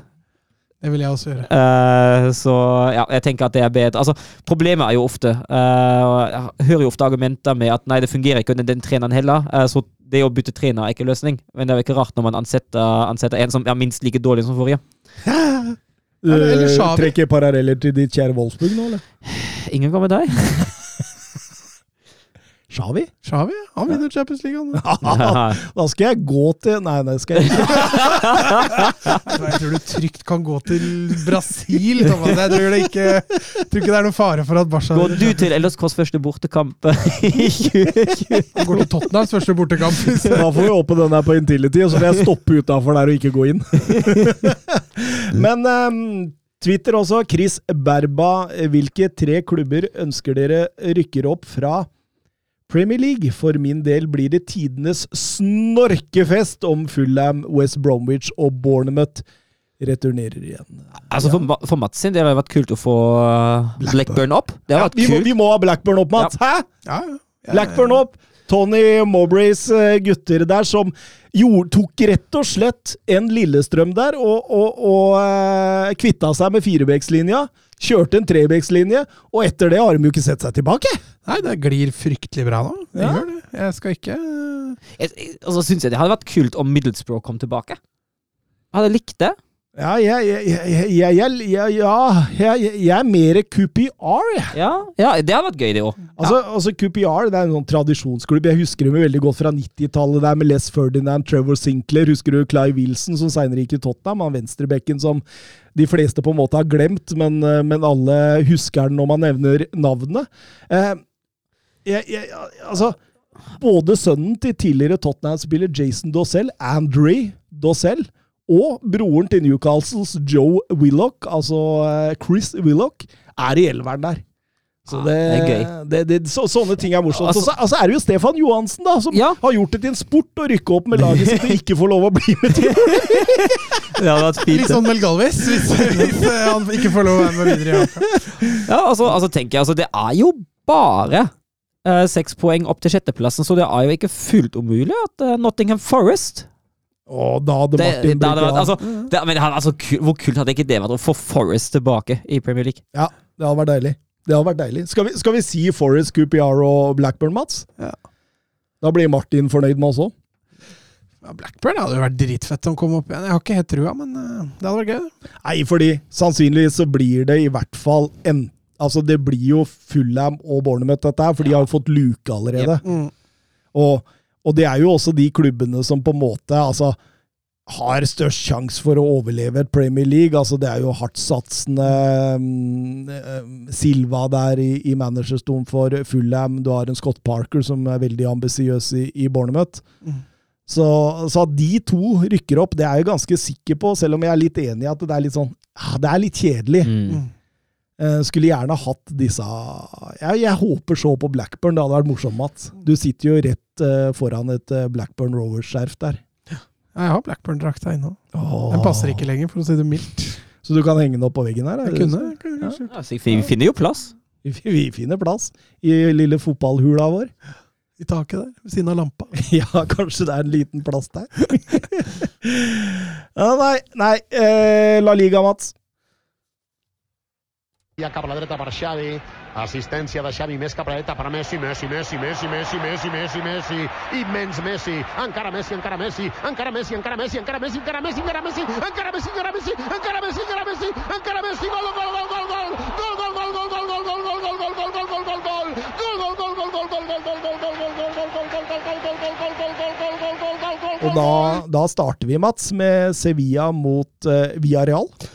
Det var generelt sett en dørgende kjedelig fotballrunde i Spania. Vi kan begynne, vi kan begynne der. Vi begynner der, ja. Eh, Det var, det var kun én kamp det ble skåret mer enn tre mål. Ellers så endte det var jo 0-0 og 0-1 og, og til beste fall 2-1 i, i noen av kampene. Sevilla via eh, første omgang kanskje den artigste, hvis vi skal si det på den måten. Det var, eh, det var til en viss grad i hvert fall interessant å følge Villarreal sitt høye press mot Sevilla sin frispilling, og motsatt. Ja.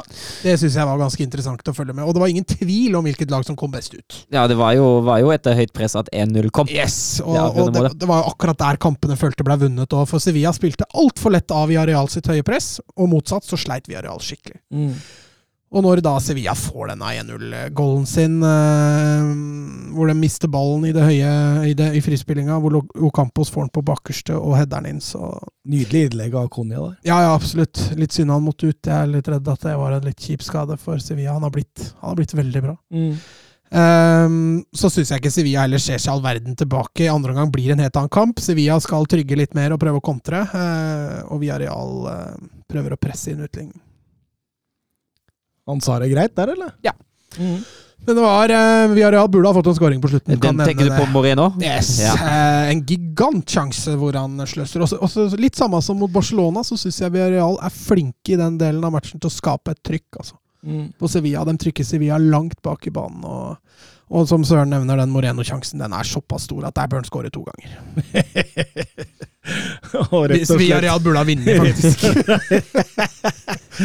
Så stor var den sjansen. Men uh, Lopetegi, superviktig seier for å ikke bli hekta litt av i den eh, om det kampen om, om eh, medalje. Eh, Real Madrid har jo dessverre fått luke allerede, men Ja, de har det.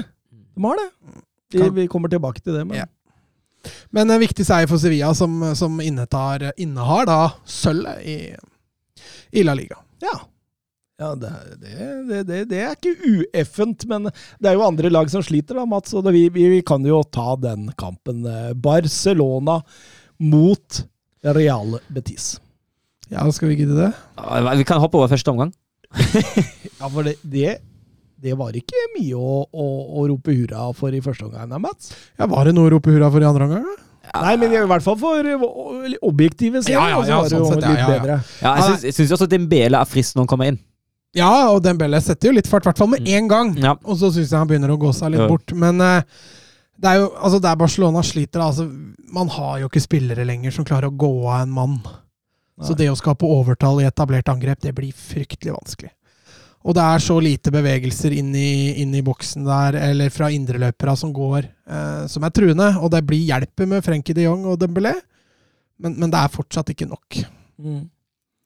Betis veldig Ja, ekstremt. Og det, det skal de ha for altså, Juanmi, som er i vanvittig form. Altså. Eh, innehar jo stor fart, og det er jo han som blir kontringsspiller. Nummer én, uh, William San José får dem uh, William San José, faktisk. William José får dem veldig eh, sjelden satt opp i de gode posisjonene. For utover i annen omgang så, så var det jo litt sånn at eh, Klarer Barcelona å tråkle seg gjennom Betis-muren her, eller klarer Betis å score på en av sine overganger? Det var jo det som på en måte Det, det endte opp med til slutt her, da. Mm. Og, og, og eh, svaret blei jo det siste. Juanmi der som eh, Som eh, Altså Barcelona blir jo i voldsom ubalanse der. Canales vel som, som stormer fram, fører ballen inn i boks der og, og drar av Frenkie de Jong som om han skulle vært en pappfigur. Og, og bruker Theo for å vri om til Juanmi, da, som setter 0-1. og Det var Juanmis niende mål i La Liga denne sesongen. Det er aldri så lite gjennombrudd i en alder av 28 år, Mats. Mm. Nei, det kan du, kan du si. Uh... Vi fikk vel et spørsmål om det, faktisk. Eh, Martin Hjort Bjørklund, eh, Shuanmi, endelig leverer han på nivået han ble spådd på å komme på. Var vel en wonder kid på noen FM back in the days. ja, og jeg var en av de som innimellom kunne finne på å kjøpe han. Han, eh, han er høyinteressant pga. den enorme farta, og derfor passer han jo, passer han jo perfekt inn i kampen. Men han, han har blitt mye mer målfarlig. Eh, Skårte vel hat trick i forrige serierunde. Eh, pynta på ytterligere med ett nå og blir matchvinner mot Barcelona. Så dette det går mye bedre nå. Begynt å løsne litt, og det, det, trenger, eh, det trenger jo Betis i en kamp som det her. Hvor de faktisk da kan ligge litt bakpå og skape store sjanser med, med farta hans. Jeg husker han kom til Southampton i 20 Nå må jeg være forsiktig 2016-sesongen. 2016-2017. Eh, slo vel aldri helt igjennom der. Eh, dro vel tilbake til Real Sociedad. Og der husker jeg han også for at han fikk rødt kort, hvor det ene gule blant annet han fikk for å hedre sin gode kompis etter en scoring, som nettopp hadde fått leukemi. Mm. Så det, det, det voldsomt der. Og, og det har jo liksom Han har jo vært en spiller man har venta på, venta på, venta på. Det har liksom aldri blitt noe annet. Så det, så, så det gjør liksom ekstra godt i hjerterota, dette her. Mm. Skjønner det. Eh, skal jo sies at Sassoli bør jo sette 1-1 eh, rett etter der. Ja, ja. Den er stor, altså. Den er gigantisk. Uh, ja, du tenker på han kommer inn på bakerste der, ja. Mm. Ja, stemmer, stemmer. Men uh, altså, de, de produserer Det er ikke noe store Altså, Den sjansen du nevner der, det er jo en av de største sjansene til Barcelona hele kampen. Ja, og Luke de Jong kommer inn. Det er godt å se at Shawi ikke har skrota han. Ja, godt, Kjempegodt å se. Nå Ja. slo jeg faktisk ikke av, da. Nei, Jeg har jo pleid å gjøre det når han blir bytta inn, men jeg kunne like gjerne slått av, for det blir jo Altså Når du setter inn på Luke de Jong, så tenker jeg da må du jo begynne å slå innlegg, da. Og selv der er han jo ikke spesielt vass der heller, ikke sant? Så det er jo fryktelig Hva er spisskompetansen til Luke de Jong, eh, Søren? Bomme. Bomme. Faen bom, bomme. Ja, men det er jo Altså, jeg skjønner jo, skjønner jo Vi har jo vært gjennom det mye tidligere at jeg ikke skjønner hva nederlandske landslagstrener har sett i Luke de Jong når man har vært Verros som er en lignende spisstype. Litt svakere med ho i hodespill for all del, men er en overall mye bedre spiss enn Luke de Jong. Mm. Og det, jeg, jeg, altså, jeg, jeg ser jo ikke noe, noe merverdi eh, i Luke de Jong i en stor liga for en stor klubb. Jeg gjør ikke det. Nei, Han leverte ikke han- voldsomt til Newcastle, han gjorde ikke det. Hvor skal han spille, da? Hvilken storklubb er det han Nei, altså, jeg, tenker, jeg tenker jo også til og med altså, Sevilla er jo også for stor for ham. Han er ikke, egentlig ikke god nok for Sevilla heller. Og det er jo et lag som opererer først og fremst med innlegg. Er Det er derfor jeg er, det, det. er det min data som driver og piper? Nei, det er min. Er det din? Det er min, sorry. Driver du og får inn bestillinger nå, eller? Ja. Da, da blir du rik til jul, altså, hvis det der, der er bestillinger. For det Nei, det er jo samme, samme person. Oh, altså Ja. han spammer her, rett og slett? det er hyggelig kunder å ha. Men jeg var dum nok til å sende ett svar. Ja, ja, okay. det, det var dumt, for da, da er vi i gang. ikke sant? Så jeg må bare la det ligge. Det er det Mats gjør når vi, spiller, når vi spiller en podkast, vet du. Jo, men det kommer inn salg, vet du. Da må du, da må du være på, eller så, er mister du. Her er det pengene! Her er det Ja, ja. casha som rår. ikke sant? Det er Tjener noen ikke en dritt inni den- her, så Noen som betaler den strømregninga vi driver og produserer her. Så. Det redda den strømregninga der, det, søren. Jeg, lik, jeg liker varmt studio. Jeg Ja, gjør jo ja, det. ja. nå, nå er det ganske varmt her. nå begynner det å bli grisevarmt her. Ja, Du kan godt dempe den der nå. altså. Jeg har jo dempa den allerede. Den okay. står jo på sånn 15. ja, deilig, deilig, deilig. Men eh, Betis drar det jo i land mot et offensivt, litt sånn falmende Barcelona, vil jeg si. Eh, Ja, skuffende Depay igjen. Ja. Eh, Coutinho starter frist, og så fader jo han også helt, eh, helt ut. Gavi, dessverre, hodeskade. ja, han var svimmel, han. Ja, han var ordentlig. Han tryna jo rett etterpå der, og han burde jo bare flekke av banen så fort som mulig. Eh, Nico Gonzalo skuffa også lite grann, syns jeg.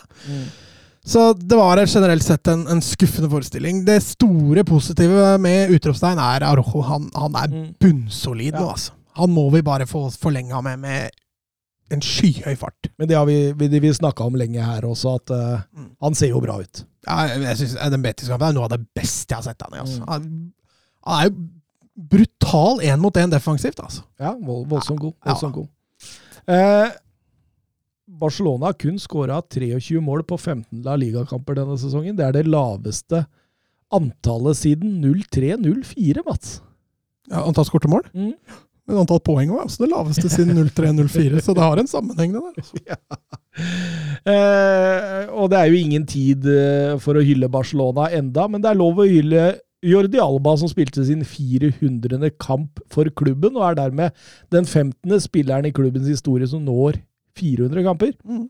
Hyll, hyll. Eh, Han har vært bra. Ja, altså, han er jo et angrepsvåpen. Han er jo en, det, altså, det ser jo nesten ut som det er han som må gjøre det om Barcelona skal penetrere motstander. Ja, Det er helt Det der ansiktsuttrykket der.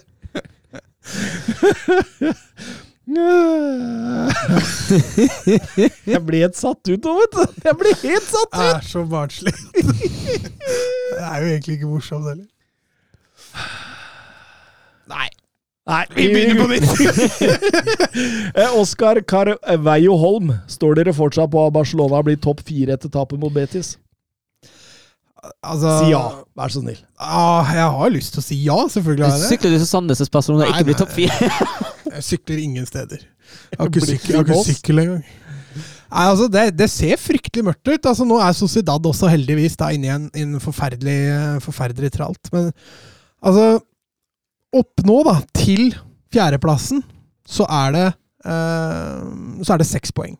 Og det er Atletico Madrid, Betis, Sevilla og Real Madrid som har de plassene. Og for, må jo da forbi Rayo, det bør jo gå over en hel sesong. eh, og det, men det må også forbi Sociedad. I tillegg til en av de fire lagene jeg akkurat nevnte. Så det er en lang vei. altså. Det de viste mot Betis nå, det, det er ikke så veldig mye fremgang eh, resultatmessig eh, enn hva man hadde under Koman. Spillmessig så ser man jo selvfølgelig visse aspekter som har blitt forbedra, men det offensive, der har Barcelona en kjempelang vei å gå. Altså. Så lenge man ikke har spillere som klarer å gå av press, og man da ikke har et så tydelig angrepsvåpen som f.eks. Liverpool, City, nei, da, da blir dette vanskelig.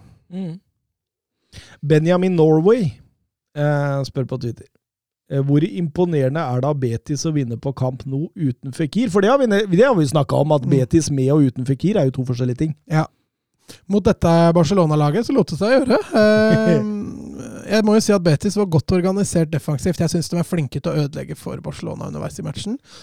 Og med en Juanmi i kanonform, så er jo selvfølgelig dette en, en stor prestasjon. Det, det har jo som regel vært veldig artig med Barca Betis, for det blir som regel mye mål. Eh, Den kampen her gjorde Betis det kjedelig, og det skal de jaggu ha honnør for. Ja, jeg syns det var Det var en godt gjennomført kamp Ja. av Pellegrinis gutter. Eh, Atletico Madrid de, de fikk det tungt, de også, mot Mallorca Ja, hjemme. De starta frisk, i hvert fall. Jeg syns uh, første i av første omgang av Atletico klart best. Uh, skaper også noen muligheter, uh, og så dabber det litt av. Er det en sånn der hybrid av 4-4-2-4-3-3 Ja. der, hvor Angel Korea liksom på en måte får velge litt Ja. hvordan han Ja, det virket jo litt sånn. Altså, uten Carasco, uh, som er jo en av arkitektene i angrepet til, eh, til Atletico så, så ut som at Korea i sin frie rolle skulle innta litt den rollen som Carasco vanligvis har ut på venstre. Ja. Jeg syns det biter seg litt her, jeg, Simeone, hvor, hvor, han, hvor avhengig han er av dette vante startlaget sitt. For der er det så mye relasjoner offensivt. For du ser jo svakheten til Atletico er jo ikke det at de er et veldig godt angrepslag. De skårer mye mål på relasjoner og enkeltprestasjoner. Ja. Eh, med en gang du da skal rulleres litt, så får han en utfordring, fordi relasjonsdelen blir borte. Eh, og du ser Konja, selv om han er en god fotballspiller, så, så har han ikke noen relasjoner til de rundt. Grisemann er ikke ordentlig i gang. Og som Søren påpeker, Carasco er jo superviktig offensivt. Så det skorter veldig. Jeg syns de første 80 minuttene, eller egentlig fram til Atletico skårer 1-0, er akkurat etter boka til eh, Diego Simione. ja, absolutt. Eh, Ja, fram til 80, da, for det er jo da Mallorca skårer. Mm. Kampen går jo akkurat sånn jeg egentlig forventa, Mm. i 80 minutter. Det er ikke feil å si det. Det er ikke det. Eh, det, det, det er litt sånn opp og ned om hvor gode Mallorca er i de 80 minuttene. Fordi eh, det er jo en periode, som, som Søren er inne på her, at, eh, at Atletico Madrid er de ganske dominerende i banespillet, uten at de produserer så voldsomt mye mer sjanser. Men men eh, så plutselig så presser de litt høyere igjen, og, og, og på en måte får litt eh, valuta for det. Ja, du har jo de overgangsmulighetene i andre halvdel av eh, første omgang. Da er det jo, er det jo noen muligheter som Mallorca Mm. kommer til. Men uh, Konya, det er litt sånn småkomisk mål. Sitter sammen med keeperen og pirker ballen i mål. Ja, han blir jo, han blir ikke redda på strek, da, men han kaster seg en inn der og får heada han ut. Men han var jo veldig tydelig inne. Konya har faktisk da mål i gjennomsnitt eh, 50, hvert 56. minutt i La Liga. Mm.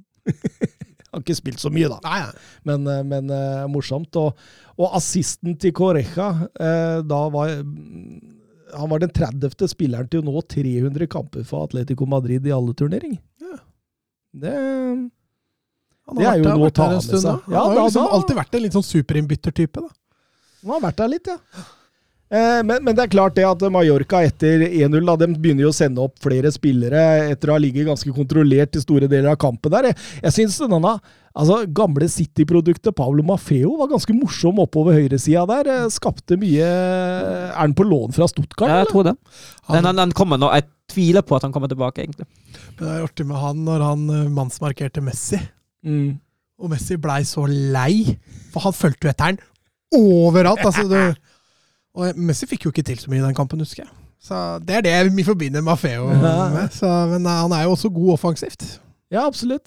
Synes han, eh, og, og, og samtidig så syns jeg noe, n- altså, veldig merkelig hvordan Atletico Madrid liksom bare slipper seg ned. Ja. Altså, nå er jobben gjort, nå skal vi bare ligge og mure, og så, og så får de seg en overraskelse på dødball. Ja, Og så syns jeg det er veldig skuffende måten de responderer på også. Altså, Det blir jo ikke ordentlig farlig etter 1-1 heller, for Atletico. Det er klart, Når de da ender opp med å tape, så er det jo skandale, selvfølgelig. Men uh... Taket Fusa Kubo. Altså, altså Real Madrid-spilleren mm, skal senke Atletico Madrid på Wanda Metropolitano. Det er, jo, det er jo som å skrive i stjernene på forhånd at det måtte skje. ja, fint, fint mål og en herlig kontring av Mallorca. Eh, Atletico blir kna knallhardt. Det var ikke meg nå! Nei, men jeg, jeg tror jeg, jeg, jeg, Du tenkte på noe annet du, som var knallhardt. Pochettino? Ja, det var Porcettino, da. stemmer det. Å Sette, sette meg ned på kne og be om en knallhard Porcettino, var ikke, var ikke det vi ble enige om? De blir straffa knallhardt for å, for å gå for det på en dødball, og, og de kontrer inn, og Kubo setter den vel mellom beina på, på Oblak der. Ja. Ja, nei, det Å, dæven, altså. Eh, men Joao, Joao Felix kunne jo gjort det på overtid der. Redda Ja, et lite poeng. Ja, han blei oppgitt over seg sjøl for å sette den himmelhøyt over fra tre meter der.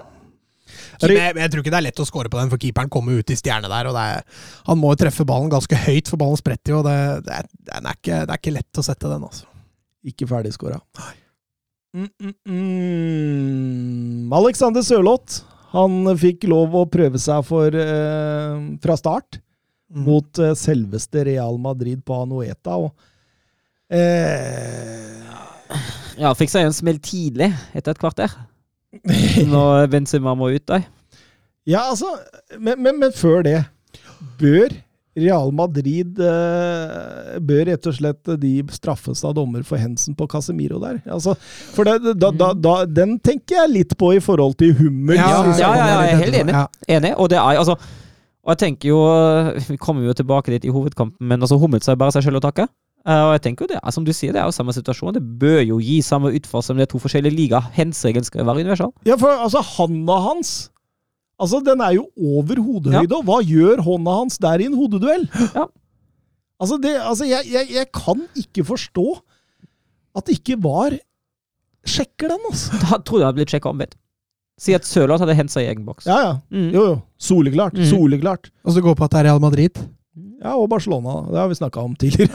Barcelona tapte mot Betis. Ja, Betis er topp. Så du konfer Nei, konferansetimen, holdt jeg på å si. Pressekonferansen med Konferansetimen! Pressekonferansen med Pellegrini? Nei, fikk jeg ikke han mente at nei, selv om vi leder Vi hadde jo flere poeng enn Barcelona, men du skal ikke undervurdere Barcelona. Nei, det, det, Det er helt nydelig. det, det, og du skal aldri overvurdere Stoke City er Sånn er men, men ehm, Ja, Benzema ut med skade. Eller, eller var det en kjenning? At han tenkte Ah. her, her gir jeg meg når leken er god? Så Fordi- ikke sånn ut. Jeg synes, altså, det kan godt hende han er kjapt tilbake nå, fordi han ikke dro den lenger. Men uh... Jeg, jeg tror ikke han hadde gitt seg for en liten kjenning etter et uh, et, et kvarter i, mot, eh, mot Sociedad. Eh, hadde, vi, hadde vi vært i 70 minutter og kampen hadde vært 2-0, ja greit, men så tidlig tror jeg Nei, jeg tror ikke. Men jeg syns jo ting fungerer veldig bra for Real Madrid i denne kampen. Jeg syns den trioen på midten som vi har skrytt så mye av, og, og de har fått skryt i øst og vest, Casemiro, Modric, Kroos, fungerer så bra. og det, De setter opp eh, Rodrigo Venitius gang på gang på gang på gang, altså. Men Der snakker vi relasjoner igjen i forhold til det som mangla i Atletico-kampen. og da- Den trioen der på midten den er altså så bunnsolid at det, når Angelotti sender ut på de tre, så har du da har du i hvert fall veldig gode kort på hånda for tre poeng. Det er klart det var en ordentlig strek i regninga at Benzema måtte ut, men eh, nå har de jo en annen stjerne på gang da, på venstresida der, som ja. redda det i land. Ja, han skårer eh, ganske tidlig i annen omgang. Ja, og Jovic tenkte seg kan ikke være dårlig enn Benzema, er til, til Vinicius. Men jeg, jeg fikk litt altså, Annet enn at han spiller inn og ikke skyter fra boksen, men det er jo litt som den Sevilla-skåringa. Mm. Han trekker jo inn, inn fra venstre etter fin, fin ballvinning av Kroos, var det vel. Eh, men han trekker jo inn fra venstre, og så spiller han fin vekk med Jovic, og så blir det en bra skåring. Mm. Jovic, liksom. Ja. kom Plutselig- han plutselig fra Plutselig skulle han begynne å spille fotball igjen. Men han starter jo sånn som Jovic pleier å starte, da. Så dette løsna utover i andre omgang. Eh, først den assisten med Venitius, som Søren nevner, og så gjør han det sjæl etterpå. Mm, absolutt. Eh, Casemiro der som eh, vinner på første stolpe, og Jovic eh, stuper fram foran Remiro og setter 0-2. og Da har han faktisk ett mål og ett assist. Det er eh, første gang i Real Madrid-trøya han oppnår noe sånt nå.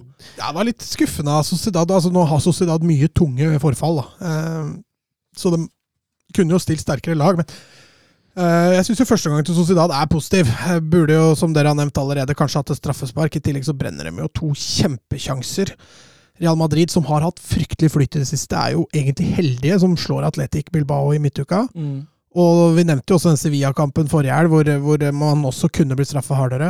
Den andre omgangen der syns jeg er mer solid av Real Madrid. Der viser de, eh, viser de hva som bor i dem, og, og vinner jo til slutt egentlig fortjent. Men eh, Sociedad syns jeg skuffa litt i andre omgang. Den, den detter liksom litt av det.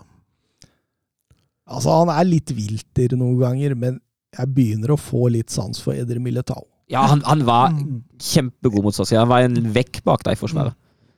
Ja, litt sånn eh, Han er ålreit å ha på laget sitt. Ja, ja altså, men så så, han så, er så kommer alltid den ene blemma.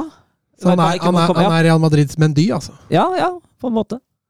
Men samtidig, Men- men de han er jo, han er jo en ung, ung, ung stopper. Ja, ja. fortsatt eh, Ja. Så det er veldig, veldig spennende å se. Altså, Det- han, Det handler litt om stabiliteten man får inn. For Hvis han presterer alltid sånn han gjorde mot Sociedad, det er jo kjempebra. Det er bare de så tror jeg samarbeidet med Alaba at det har gitt noe, da. Mm. Fordi du altså, nå har han jo spilt en del med Ramos, og, og det bør jo være bra, men jeg, Alaba har en ro mm.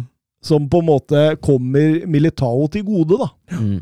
Eh, så, Ja, altså demmer dem litt opp for hverandre. Ja. Militao som er bra én mot én, fysisk sterk. Alaba som er god igangsetter og, og offensivt. Så det, er bra utfyllingen av stoppeparet. Og, og fortjent at eh, Real Madrid Ja, ja, sånn andre omgangen blei. Ja. så, altså, når de får 2-0 der, så da var egentlig matchen over. Jeg spurte deg for et par episoder siden, da sa du nei. Jeg spør deg igjen. Cruiser Real Madrid til eh, seriegull nå? Sa jeg nei da? Ja. Å ja, da må jeg stå i det, da. hva, hva tenker du, Søren? Ja, det ser jo litt sånn ut, da. Men altså, De har jo hatt flyt, det er det jeg skal fram Ja. til. Altså, Atletico Bilbao, Der kunne de fort ha tapt. Sevilla, der kunne de fort ha blitt uavgjort.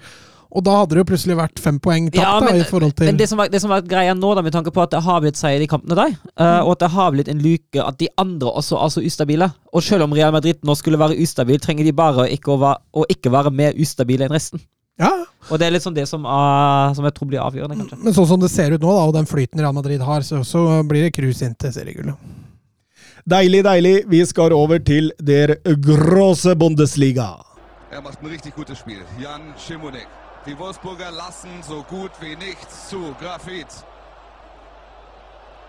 Grafit gegen Lell. Jetzt wird's eine Demütigung. Guckt euch das an. Bist du verrückt? Bist du verrückt? Tor des Jahres. Die Bayern der Lächerlichkeit preisgegeben. Og det første oppgjøret vi skal snakke om, er vel de to eneste klubbene i Bundesliga fra gamle altså Øst-Tyskland, altså Ja. øst for Berlinmuren. Du kan kalle det Der, der Mor Derby, går det an? Ja, det tror jeg, det tror jeg hvis, du kaller, hvis du kaller noe da RB Leipzig er involvert for derby, tror jeg du eh, får, får sinte Union-fans i, i nakken. Altså, det tror jeg absolutt. RB. Leipzig var vel ikke påtenkt når muren, Nei, eh, muren det er akkurat, falt. akkurat så, Eh, ja, jeg tror Nei, det vil ikke si at Ja, men, altså, men ja, det er de to eneste klubbene i, i Bundesliga nå fra gamle DDR. Mm. Eh, Leipzig fortsatt i voldsom koronatrøbbel. Altså, jeg flirer litt da, fordi Jesse Mars ute med korona. eh, Beyer Lortzer tok over i forrige runde, og nå var det ny trener. Ja, Marco Kurt denne gangen, eh, Søren. ja nå det kort satt Jeg tror han satt også for jeg, Nei, nei, du har rett. Jeg tror Beyer også satt sist. Men ja. Og Kolashi var jo tilbake, det var jo positivt. Uh, fortsatt ingen uh, Sima Khan, fortsatt ingen Poulsen. Uh, fortsatt ingen Ingen Orban. Eh, og det er, som du er inne på, tunge frafall, men det unnskylder på ingen måte det Leipzig presterte på den banen der. For det var tynn suppe. Det, det, det var det, Søren. Altså Union tar jo til i ledelsen. Ja, uh, hadde Ryerson som slår inn. Uh, Voldsomt god Ryerson! ja, han hadde, god han hadde full kontroll defensivt på Angelinho. Og han utnytta rommene han fikk offensivt kjempegodt. Ja, helt enormt da han spilte. Han burde hatt flere sist òg. Mm. Mm, ja, enig. Og så er det, er det jo Avoni Henriks taper duellen mot Baumgartel og Guardiol ballwatcher. Men ser det så fint i en reprise hvordan Guardiol bare ser på ballen og glemmer helt uh, Avoni i ryggen. Litt urutinert ennå, du merker Ja, ja, det på en- enkelte situasjoner. Men det er, ikke, det er ikke det som var, som var hovedproblemet. Det som var hovedproblemet altså, Leipzig har valgt en litt annen inngang i presspillet. Eh, de, de tre foran står smalt, eh, og så prøver man å sette pressfeller på kant på de vingbekkene til Union. Og så følger de ikke tredjemannsbevegelsene, så Union kommer seg ut av det gang på gang. For Leipzig klarer rett og slett ikke å få overtall mot ballfører, og hvis Union en sjelden gang ikke kommer seg ut, da slår de langt, og da vinner de som regel også andre ballen. Mm. Så det er fryktelig guffent, eh, det presspillet. Det er fryktelig flatt, det de leverer mot etablert forsvar. De får ikke tatt eh, Union i ubalanse, klart. Når man, eh, når man ikke vinner ballen høyt, da tar man ikke motstanderen i ubalanse til nærmet. Uh, Unions gegenpressing derimot, det så, det så jo mye, mye bedre ut. Så det ble få overganger. De får en 1-1-skåring ut av en gedigen keepertabbe ut av ingenting. Ja, de var, han dreiv med det der. Han feilberegner jo. Han lander jo lenge før han skal. Fullstendig. Men det, men det ser jo ut som altså hver eneste gang Union lemper inn bak eh, Leipzig eh, sitt forsvar mot Becker og Avoni, ja, der, så ble, det er jo målsjanse. Ja. Og at Kruse ikke setter den, den gedigne Han var jo helt sinnssykt. Nei, Men, ja, det- men altså, det er, det er fryktelig flatt, i Leipzig. Det er på høyde med det mot, eh, mot både Leverkusen og Hoffenheim, som vi har vært inne på de forrige episodene. Dette er helt katastrofe. Mm. Ja, Både, altså, og det er også i alle spillets faser. Det er både mot ballen, med ballen, overgangsfasene, både egne og motstanderspill i spill blir Det funker ingenting. har ikke hørt noe fra Weber på en stund heller, nå. Nei, han har gått i depresjon, kanskje. det, ja, det er forståelig Ja, nok. jeg er dit er jeg på vei òg, så jeg veit hva han Ja. driver med. Nei, for eh, Timo Baumgartel, han uh, skårer han etter et eh, Ja, corner som spilles ut flatt Ja. på, på crosset der, som skyter via Limer. Og, og Spretta Spretta er heldig, men det er jo, det er jo fortjent. Eh, og så blir det jo en del kontringsrom eh, mot Union mot slutten. der. Leipzig skaper jo Nei, jeg vet du hva. De skaper jo nesten ingenting. Og det, som Mats er inne på, Ryerson hadde flere gode innlegg i boksen, eh, og det, han bør ha fått assist. Det var eh, flatt batteri, og jeg, jeg forstår jo når den meldinga kommer om at Jesse Mars måtte gå. Ja, det er eh, fullt forståelig. Det, er- og det har jo, det har jo utvikla seg i feil retning. Og før var det ukonstant, nå er det konstant, men konstant dårlig. Mm. Ellevteplass, kun 18 poeng på de første 14 kampene. Det er negativ rekord for Leipzig, tipper jeg. Ja, og, og eh, denne direktøren eh, Mintzlaff Mhm. sa eh, at det, det- det er ikke lett dette å, å si farvel til Jesse Mars, men eh, For de satte så stor pris på han, mm. både som menneske og, og som trener, men at de rett og slett ikke var noe vei utenom. Forstår du det, Mats? Ja, eh, ja, jeg gjør for så vidt det. Eh, jeg har aldri vært fan av å sparke trenere så veldig tidlig, men eh, her var framgangen så markant ikke til stede Mm. at eh, det har jo gått veldig gæren vei etter at Nagelsmann forsvant. Mm. Og det er klart at hvis da styre og stell ikke ser at det er noe lys i tunnelen, så blir det som Per Berg da sa når de eh, fyrte Røsler, at hvis ikke vi skal gå videre med dette, så kan vi like greit avslutte forholdet nå. Og da spør Didrik Tofte Nilsen på Twitter hvem tar over i RB Leipzig. Er det noen aktuelle? Ja, Roger Schmidt takket nå nei. Eh, PSV-treneren. Han, han er jo veldig i RB-skolen. Uh, han jo han, han trente jo Leverkosen uh, blant annet tidligere, og da ble det vel for mye RB-skolen og for lite annet. Det var veldig sånn endimensjonal. Uh, det er derfor han til slutt måtte gå, da, for det funket ikke noe med heller, og det var ikke noe utvikling til slutt. Men han hadde en grei periode der. Okay, okay. kan hende at Jeg har ikke fulgt ham så godt siden det kan hende at han utvikla seg mer.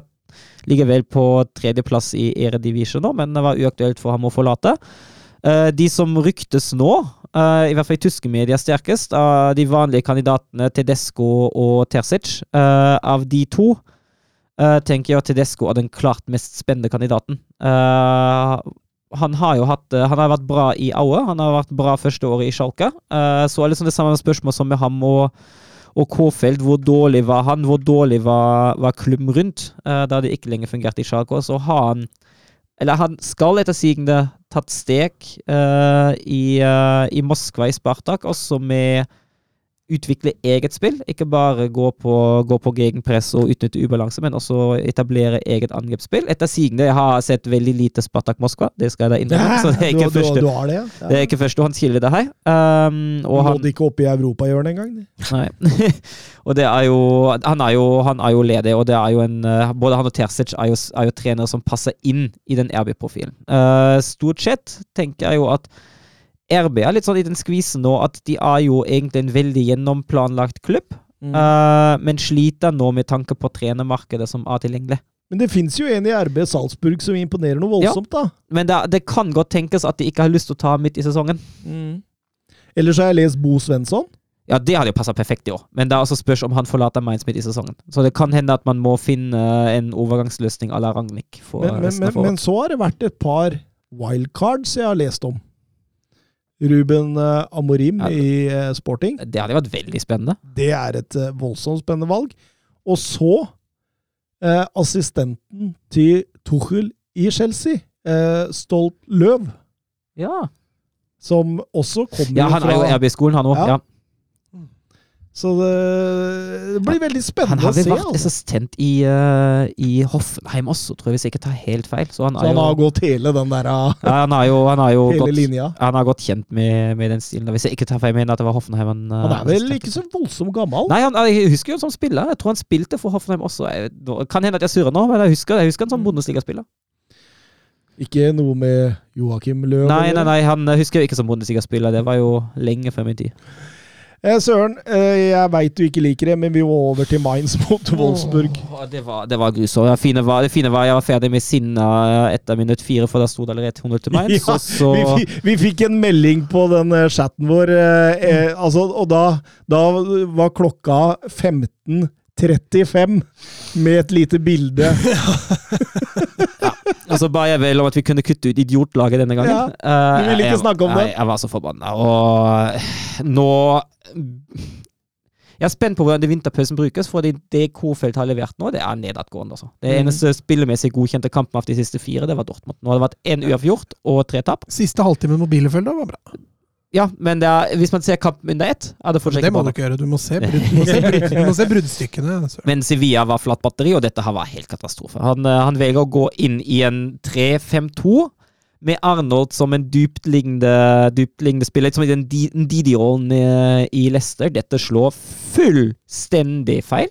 Arnold viser seg å ikke være bra i den rollen, og han justerer Ja, det var fælt å se han bli dratt av før 1-0 der. ja, det, var, det, det, det, var, det var kronen på verket, men det var litt sånn som den kampen man hadde.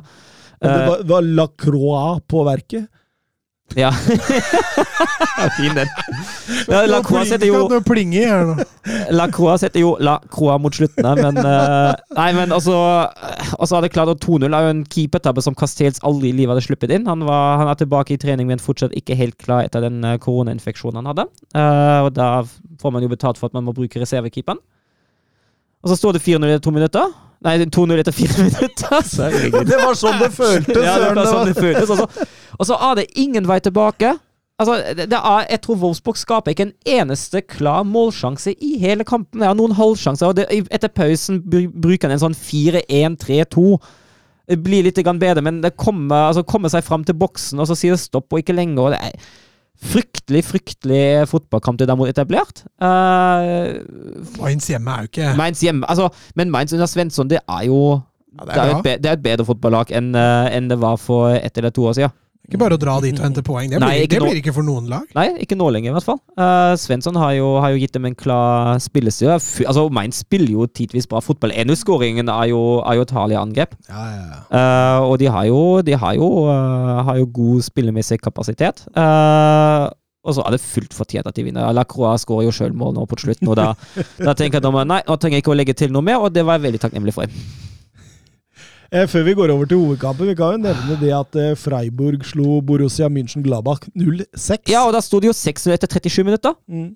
Og det er, Bare roa dem det ut. Ja, og det er jo det er også Bundesliga-rekord. Det, altså, det, det har aldri skjedd før at et lag har leda 5-0 etter 25, som Freiburg da gjorde.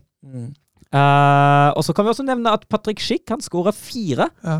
mot uh, Greuter Fürth, da de, skå- da de slo Greuta Fürth eh, 7-1. Og så var det Jeg tror, jeg tror han, han samler XG på 3,5 på de fire han skåra, altså.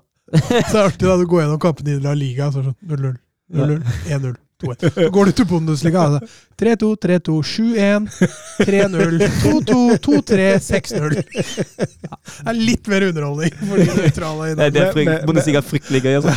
Men så er det vel ingen lag som Greater Furt i La Liga heller. Det tror jeg må altså, være, det tror jeg må være noe av det dårligste man har.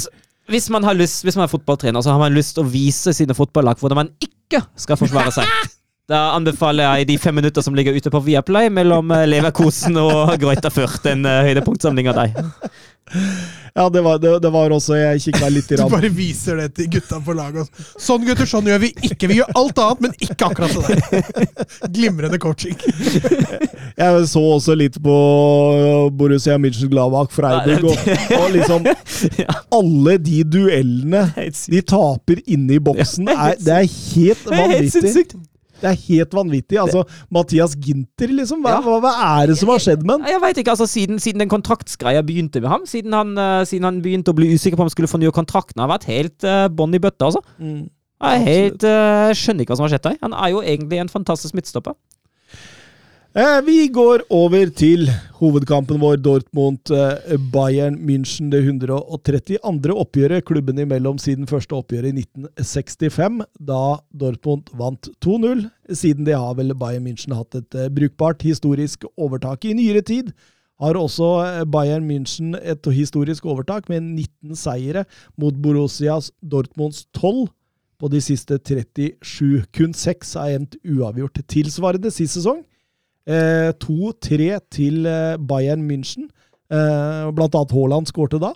Eh, Supercupfinalen mellom lagene som ble spilt på Signal Idona før denne sesongen, den vant også Bayern München 1-3 med dobbel Lewandowski. Eh, noe med lagene vi la merke til, gutta boys. Haaland var tilbake Haaland var tilbake. fra start. Eh, Både, både han, eh, med Bellingham og Guerreiro. Men det jeg la merke til der, var Bellingham dytta ut. Ja, fordi jeg forventa dem da jeg så lagoppstillingen. tenkte jeg, ok, her spiller Dortmund en 4-3-3 med Royce og Brandt på kantene og Dahoud-Chan og Bellingham sentralt. Men det ble jo en 4-2-3 med Bellingham på venstre, og det var jo et uh, godt trekk. Mm. Fra start av, helt enig. Mm. Men han burde rokert. Ja. Ja, ja, ja. ja. Eh, Bayern, da? Eh, ja vi kan, da er det jo akkurat det samme laget som slo Bielefeld 1-0 forrige uke. Ja. Eh, kampen Altså, det, det, det åpner jo en mål, det ser rett og slett. Altså, Ja. det, det, altså Dortmund var fryktelig fremoverretta. Ja. Dortmund starta, starta kanonbra og aggressive. Men det var, var litt artig å se Haaland så direkte igjen. da. Liksom, Mm. Hver gang Dortmund vant ball, så skulle han ha ballen i bakrom. Mm. Det var litt sånn der jeg husker fra starten av karrieren i Dortmund. Litt Men det- stund siden jeg har sett den så direkte i bakrommet. Det var jo litt sånn, eh, sånn som, kamp, som Bayern ga oss rom. Det var, jo Det da, var- det var jo da rommet vei. Og så var det jo Jeg likte også hvordan man utnytta Davis sto høyt. ja, At man det, eh, det, det var en veldig opptatt av i startfasen. Ja, Ja, og det, og det er derfor jeg tenker altså hvis, ser, hvis man ser da på Bellingham, som blir på en måte en arkitekt ut på venstresida, som står for, for initieringa og vendingene over på høyre da det er rom. Uh, han har jo også assisten på, på 1-0-målet. Ja, Ja. men det, der er igjen akkurat det dere snakker om, da. Uh, Mm. Davies uh, blir tatt i, tatt i veldig ubalanse når han står for høyt. og det blir enorme rom på sida der, og Brant, Brant, gjør det jo veldig bra da. Når jeg, jeg syns det er voldsomt svakt av Davis der, fordi det er ikke mulig med gjenvinning når han står så høyt som han gjør. Nei. Så han burde jo vært mye, mye lavere i banen. Ja, men det, det, er litt sånn, det er liksom det du får med Alfonso Davis. Du får veldig mye offensiv power, og så får du veldig mye av at han prøver å ta seg inn defensivt pga. den enorme farten han har. Og når ikke det funker, da får du, da får du tull. Er ikke han opprinnelig kantspiller? Jo, han eh, begynte jo som offensiv midtbane, venstre offensiv, eller venstrekant. Men det tar jo ikke lang tid før Bayern Nei, Da begynner jo Hummelslekene tidlig òg. Hummelslekene det! han, eh, han driter seg vel ut i eh, frispilling, så taper han eh, duellen. Det derre Müller, måten han leser høyden på pasningen Ja, også, liksom. Jo, men altså, det skal jo kunne spille bedre da, som Mats Hummels. Jo, jo, men, men ballen går ikke langs bakken. Nei, ballen går ikke Ja. kjempehøyt. Nei. Müller setter ut beina akkurat i Jo. den høyden ballen kommer. Ja, Og så kan man jo fint snakke om at Hummels også taper den påfølgende duellen mot Mulla, som han kanskje heller ikke bør gjøre. Da får jo Lewandowski fri fart og en så god spiss uten til det. Ja, det, det, det. Og, og, og da følte jeg litt med Dortmund, faktisk, fordi alt hadde gått etter planen der. Mm. Og så er det én hummelstabbe der. En hummelslek. Ja, en hummelslek, så, er det, så, er, så har de utligna rett og slett det overtaket Dortmund hadde skaffa seg. Da. Mm. Og det, det, det er jo selvfølgelig blytungt. Og, og eh, ja, altså, Bayern München presser jo ekstremt høyt og eh, går omtrent mann-mann mot, eh, mot Dortmund der. og Det er jo ikke dumt, det, hvis man har sett Dortmund tidligere i enkelte kamper. Ja, det, det, det er jo også et resultat av dette. ikke sant? Ja, jeg synes jo etter 1-1 fungerer det voldsomt bra i en periode. Uh, der sliter jo Dortmund uh, tidvis med å faktisk komme seg ut av egen halvdel. Jo, men de slutter også litt med den direktheten i Mm, stilen sin. ja. Plutselig skal de begynne å spille litt mer igjen. og det, det er det nesten så de blir straffa for uh, ganske kjapt der. Eh, litt rart når de blir så tatt på senga på det høye presset. Nok ikke tatt på senga, men, men altså, de, de, de kommer seg ikke ut. da, At de ikke trår, tyr til den litt lengre noen ganger. Ja, for da er, da er du inne på når Lewandowski får en enorm sjanse Mm. der etter et par og 20 minutter. Ja, det er, er det Chan som sendte den på tvers til? Ja, det er Koma som får den, eh, får den sjansen. Ja, det er Koma som ja, får den, ja. Det er Mulla og Lewandowski som presser Chan, og Chan Ja. bare Ja, nei, vi uh, gir den bort, vi. Nei, jo, skal ikke gå an i en sånn kamp, egentlig. Men, men, men, men når det er sagt, da. Dortmund klarer jo å spille av det presset enkelte ganger, Mm. og, Og da blir det jo fort veldig farlig. Det blir med en gang blir det farlig. Uh, Men det er fordi altså, ja, altså avstand, Vi snakka om avstandene Ragnhild Manchester United har fått det. Altså, akkurat der kan du sette litt spørsmålstegn med, med Bayern München, fordi forsvaret hang litt for dypt Mm. flere ganger og ga den der lille lomma som man kunne begynne å bygge opp og sende gjennom. Men det tror jeg har litt med Haaland å gjøre også. Ja, At de å har stå for respekt. ukritisk Ja. høyt mot Haaland, det tror jeg ikke er kult. Eh, og da må du ofre et av rommene. da. Enten må du ofre bakrom, eller så må du ofre rommet foran deg. og det har Da jo valgte du for mm, eh, bakrommet, ja. Nei, du ofra ikke bakrommet, du ofra Ja. rommet Ja, og, og, og sikre bakrom. Og det hadde jo, det var jo den, det hadde jo, Haaland fikk jo en gedigen sjanse etter en uh, drøy halvtime. Da, og det, det var jo egentlig en blind klarering, som uh, Ja. Haaland og Røys uh, jobber veldig veldig godt med. Og så går jo Haaland og opp med Chan og setter vel akkurat nok press på ham at det blir, at det blir utafor. Må jeg også si at den første, Særlig den første omgang syns jeg var, var litt rusten av, uh, av Haaland. Både når Ja, det men kommer Haaland i form hadde scora. Ja, det- det tror jeg tror jeg om. Og Eivind Biskår Sunde er jo også inn på det at uh, han, er tilbake fra, han er tilbake fra skade. Han løp litt mye i offside. Jeg syns også det var noen situasjoner der han hadde ballen uh, der det ikke fungerte helt uh, i, i relasjon til, til medspillerne. Syns det er deilig hvordan Bayern München de flyter mellom formasjoner hele veien. Mm. Du, du blir aldri klok på helt sånn hva, Altså, altså, i plassbytten også. ja, altså det, det var en sånn timinuttersperiode der. De var innom 4-2-3-1, 4-3-3 og 3-4-3. Og veldig mye har jo med, har jo med Sané å gjøre. Han, Mm. eh, han er jo den frieren. Han, eh, han dukker jo opp overalt. Uh, Coman eh, holder seg jo forholdsvis greit uh, til sin høyre side. Eh, så Mulla er jo også ganske fri, og Davies eh, han, eh, han går jo opp og ned, han. Eller vest opp. Ikke så mye ned. Og Sané har jo et par-tre skikkelig gode der, før Koma setter eh, 1-2 rett før pause. Det er det klovner i kampen. altså. Er det Gureiro som bare kliner ballen i magen på Hummels?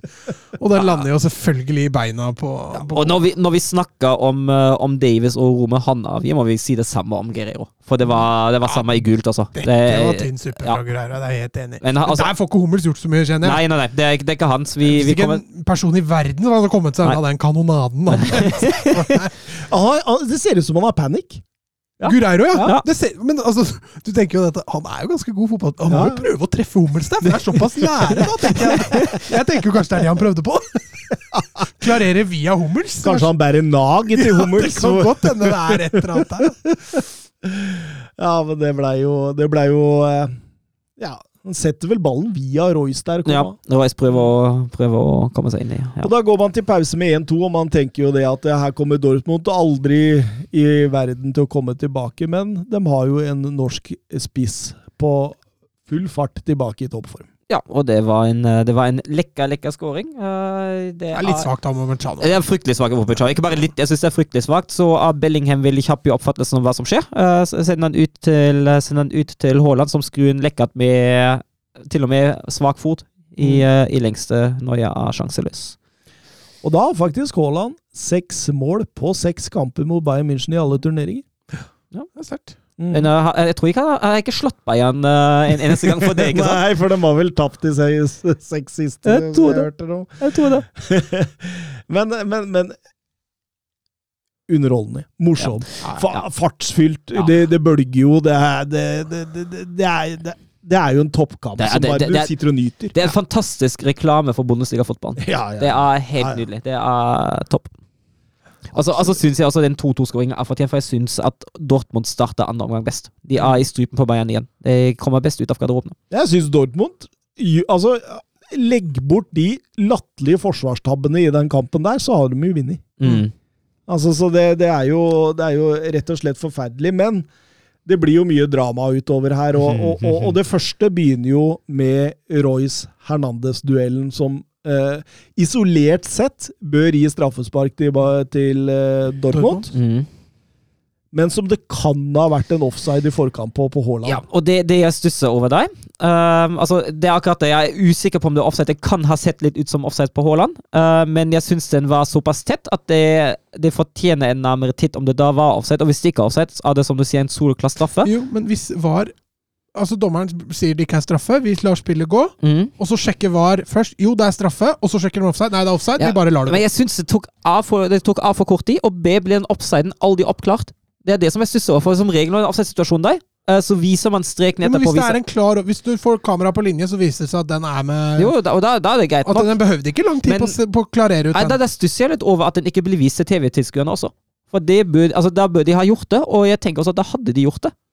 Den er jo ikke soleklar, i hvert fall. Det, er, altså det, det, må jo, det må jo målinger til for å finne ut av det. og jeg, Det gikk veldig fort. Mm. Veldig fort. Det er akkurat det. Er enig. Og, og, og en annen ting jeg reagerer på, det er jo Marco Rosa. Han ser jo dette på iPaden sin, mm. og to minutter etterpå altså, så, så klikker det for han. Så åpenbart at han har studert bildene over tid der, og så klikker han, ut og kjefter på dommeren, får gult kort. Det er jo et par-tre minutter etter situasjonen. Mm. Så, Men det, det, kan jo te, altså det kan jo tenkes at han bare mener at det ikke var offside. da. Det er En fotballtrener kjefter jo for mye rart. Jo, men det, det tok så oppsiktsvekkende lang tid Ja. fra det skjedde, til han faktisk klikka på sida der. Men, men det går treigt med noen, da. Men altså, jeg er jo enig, altså det er jo jeg, altså, jeg skjønner jo ingenting. Uh, hvis, det, hvis det ikke var offside, og det ikke er straffe, da skjønner jeg ingenting av det. Det var soleklart. Eh, Men disse topplaga, vet du, Bayern og sånn, får flyt, ikke sant. så, Ja, men det har jo Søren hevda Ja, ja det har, altså, jeg mener jo at eh, altså, Man ser jo De hadde en statistikk første året med VAR at Bayern og Dortmund mista mest poeng pga. VAR, fordi de fikk vel mest flyt med, med dommeren før. Men jeg har jo også sett enkelte VAR-avgjørelser som gikk Bayerns vei, som jeg ikke trodde skulle gå an å gå Bayerns vei. Mm. Så jeg tror fortsatt det er en liten bonus. Jeg tror ikke den blir fullt så stor. Jeg tror ikke den er fullt så stor som forrige Madrid og Barcelona dommeren betalt, eller? Nei, det tror jeg ikke. Men det, jeg, jeg, tror det, jeg tror det er noe med at når du, når du skal dømme mot Bayern München, og du dømmer en omsituasjon mot Bayern München, da vet du at du får hele Bayern München i nakken. Da får du Rummenigge, Hønes, eh, Kans eller Hamidzic på deg, og så får du gjerne mange medier mot deg òg, så du vil gjerne være 100% riktig og sikker på at det stemmer. Men man lurer jo på om man finner et tall i kategorien tosifra på hvor mange ganger Dortmund i, i ettertid av dette spiller ballen bort på egen halvdel. Det, det må jo både være tresifre Ja. og kanskje fire snart, fordi det er jo Altså, det er jo ekstremsport. I feilpasninger. Ja, det, det, det, det, de, de, de, de lager en ny kategori Mm. for det en periode der, og at ikke Bayern München klarer å utnytte det i mye større grad, det er jo nesten utrolig. Ja, det er, det er jo Koma som, eh, som får, seg en, eh, får seg noen gode skuttmuligheter der. Eh, igjen, det er jo den, eh, den der venstresida til, eh, til Dortmund som ikke helt henger på greip. Uh, Covid som gjør noen, eh, noen brukbare redninger. Men jeg er helt enig i at Bayern, eh, Bayern bør ha kommet til flere muligheter. Og så, og så kommer det en 10-12 minutter hvor det blir mye bytter, mye, mye skader. Gikk det mye, bra med Brant, eller? Jeg, jeg tror det. Jeg har ikke lest noe mer om at han, eh, han er ute lenge. Han, han, så, han så jo bevisst ut på, på båret. Jeg tror bare han fikk seg en skikkelig smell. Ja, Han ble jo båret ut med nakkekrage og ja, hele pakka der. ja, jeg, jeg vet ikke hva han har fått. eh. Haaland var jo veldig gira på å få på plass eh, medisinsk personell. Ja, og det var, det var jo veldig riktig, altså med tanke på de bildene vi har sett. Da. Men så får Bayern München et straffespark, og da koker det fullstendig. Råse, utvisning. Henger ved siden av benken der likevel. Ja. Han gikk ikke langt opp på tribunen. Nei, han gjorde ikke det. Og, og, og det er jo en hens på Mats Hummels uh, der. Um, klønete av Hummels, spør jeg. Altså, det, er, det er belegg for å dømme på den. Ja, det tenker jeg òg. Um, viser seg at, at Brandt har det etter omstendighetene bra. Bare så det er å skyte inn. Um, ja, og der tenker jeg altså Da har Hummels bare seg sjøl å takke.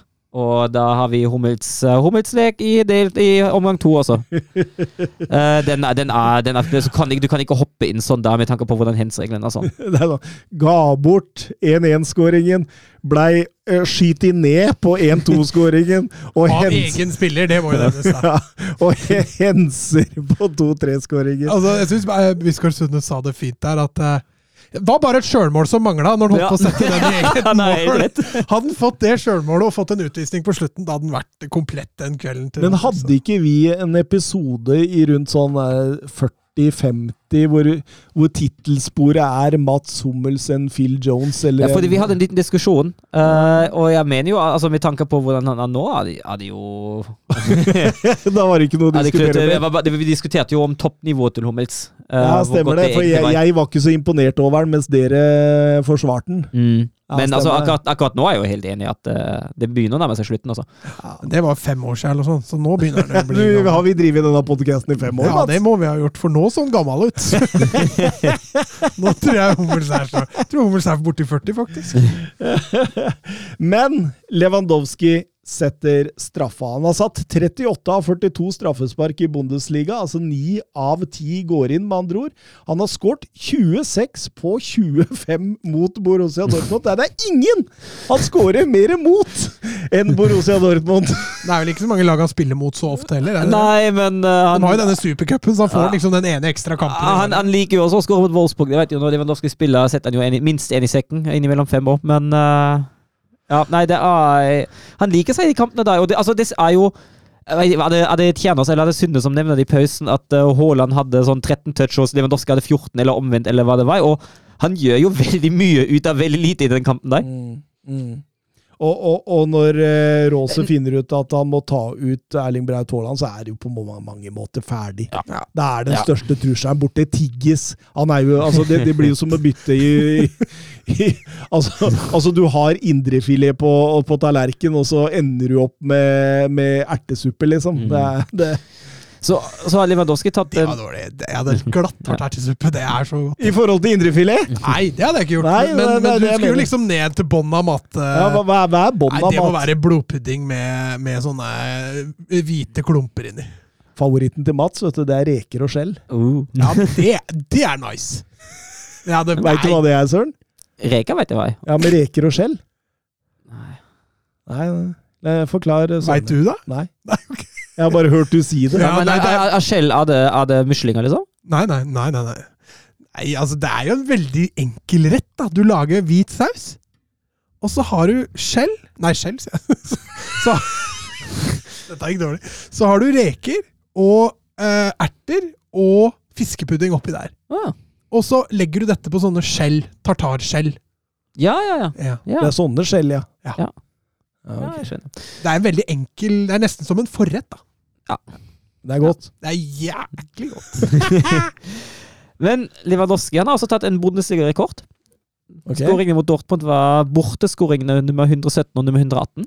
Og da er han den nå mestskårende spilleren på bortebane i Bundesligas historie, eh, foran eh, Klaus Fischer.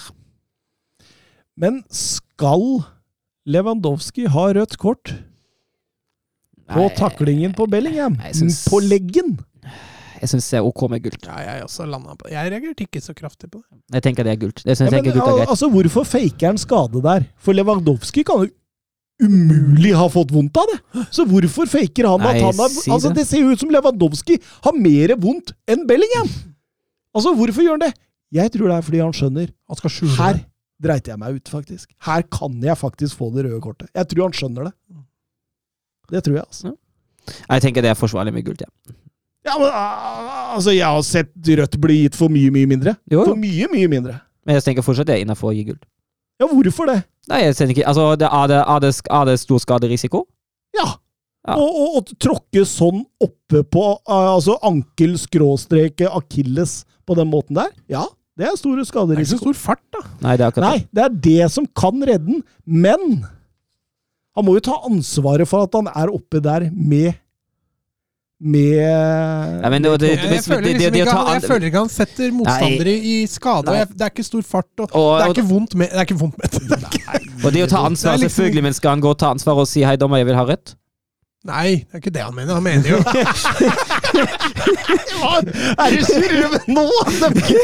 Det var en spøk, da. Hei, jeg vil ha rødt! Var ikke- var ikke en i Bundesliga, en nordmann, som hadde gjort det og sagt til dommeren at Jo, hei, du, det det er er ikke Arne straffe? Larsen Økland. Ja, ja, ja, ja, han, jeg tror han skåra også, eller et eller annet, da. Eh, ja, det var et eller annet, jeg. jeg har, Men Nei, han han- skulle ja. fått straffe. Ja, det det? var Ja. Nei, eller var det at ballen gikk gjennom Jo, det var ballen gikk gjennom side, side, Ja, det sideveggen, og han, eh, han skåra. eh, og så dømte dommeren scoring, og så sa han nei, det var ikke mål. Og Aaron Hunt, eh, Aaron Hunt har gjort noe lignende. Han, eh, Bremen leder riktignok 3-0, da, men så så deiva han mot Nürnberg, eller hva det var, og så skulle, pekte dommeren på meg og så sa han nei, det var ikke straffe. Skal vi avslutte hovedkampen med å si Tolisso? Ja, den, eh, den på åpent mål. Å ja, den, ja! Du begynte på et ordspill eller noe sånt. Nei, altså- jeg, nå, må jeg, nå må jeg tenke litt. her. Altså, en profesjonell fotballspiller skal jo klare å treffe mål Ja, men altså En profesjonell fotballspiller burde jo brukt Davies i det rommet der, så Ja, hadde det det stått 2-4. så det er- Men Hobber på Twitter igjen eh, blei Dortmund bortdømt. Eller var dette ren frustrasjon tatt ut på dommer? Og hva tenker vi om Bellinghams politianmeldelse? Nei, jeg, jeg, tipper, jeg tipper jo Altså, jeg tenker jo det var begge deler. Uh, jeg tror Dortmund følte seg veldig bortdømt etter å ikke ha fått straffen, og har fått straff imot seg. Uh, den å ikke ha fått straffe kan jeg forstå. Uh, den kan man godt si var bortdømt, som jeg har vært inne på. Eh, og så er det jo litt sånn, Vi har snakket litt om det at det er noen, eh, noen sånne små situasjoner, at 50-50-dueller gjerne blåses i, i Bayerns favør og sånne greier. Og, og spesielt føler jeg Bellingham fikk de Mm. imot seg Ja. ganske mange ganger. Men så, selvfølgelig er det også frustrasjon når du taper hjemmekampen mot Bayern 2-3. Selvfølgelig er det en god del frustrasjon, særlig av en ung spiller som kommer ut der. For Bellingham sier jo hva annet forventer man av en dommer som har fått eh, kamper fiksa, sier han rett etter kampslutt der, og blir jo da politianmeldt. Det endte med en bot og ingen Ja, han, fikk, han fikk en bot på 400 000 kroner for insinuering av, eh, av betaler i norske kroner. Eh, Nei, det må han nok ikke. jeg tror Hvis han prøver å betale det i, eh, i norske kroner, så ser tyske myndighetene på det og tenker Hæ? Ja, da tenker, da tenker jeg at å, det var billig, for det er jo bare en gjennomsnittlig strømregning i Norge.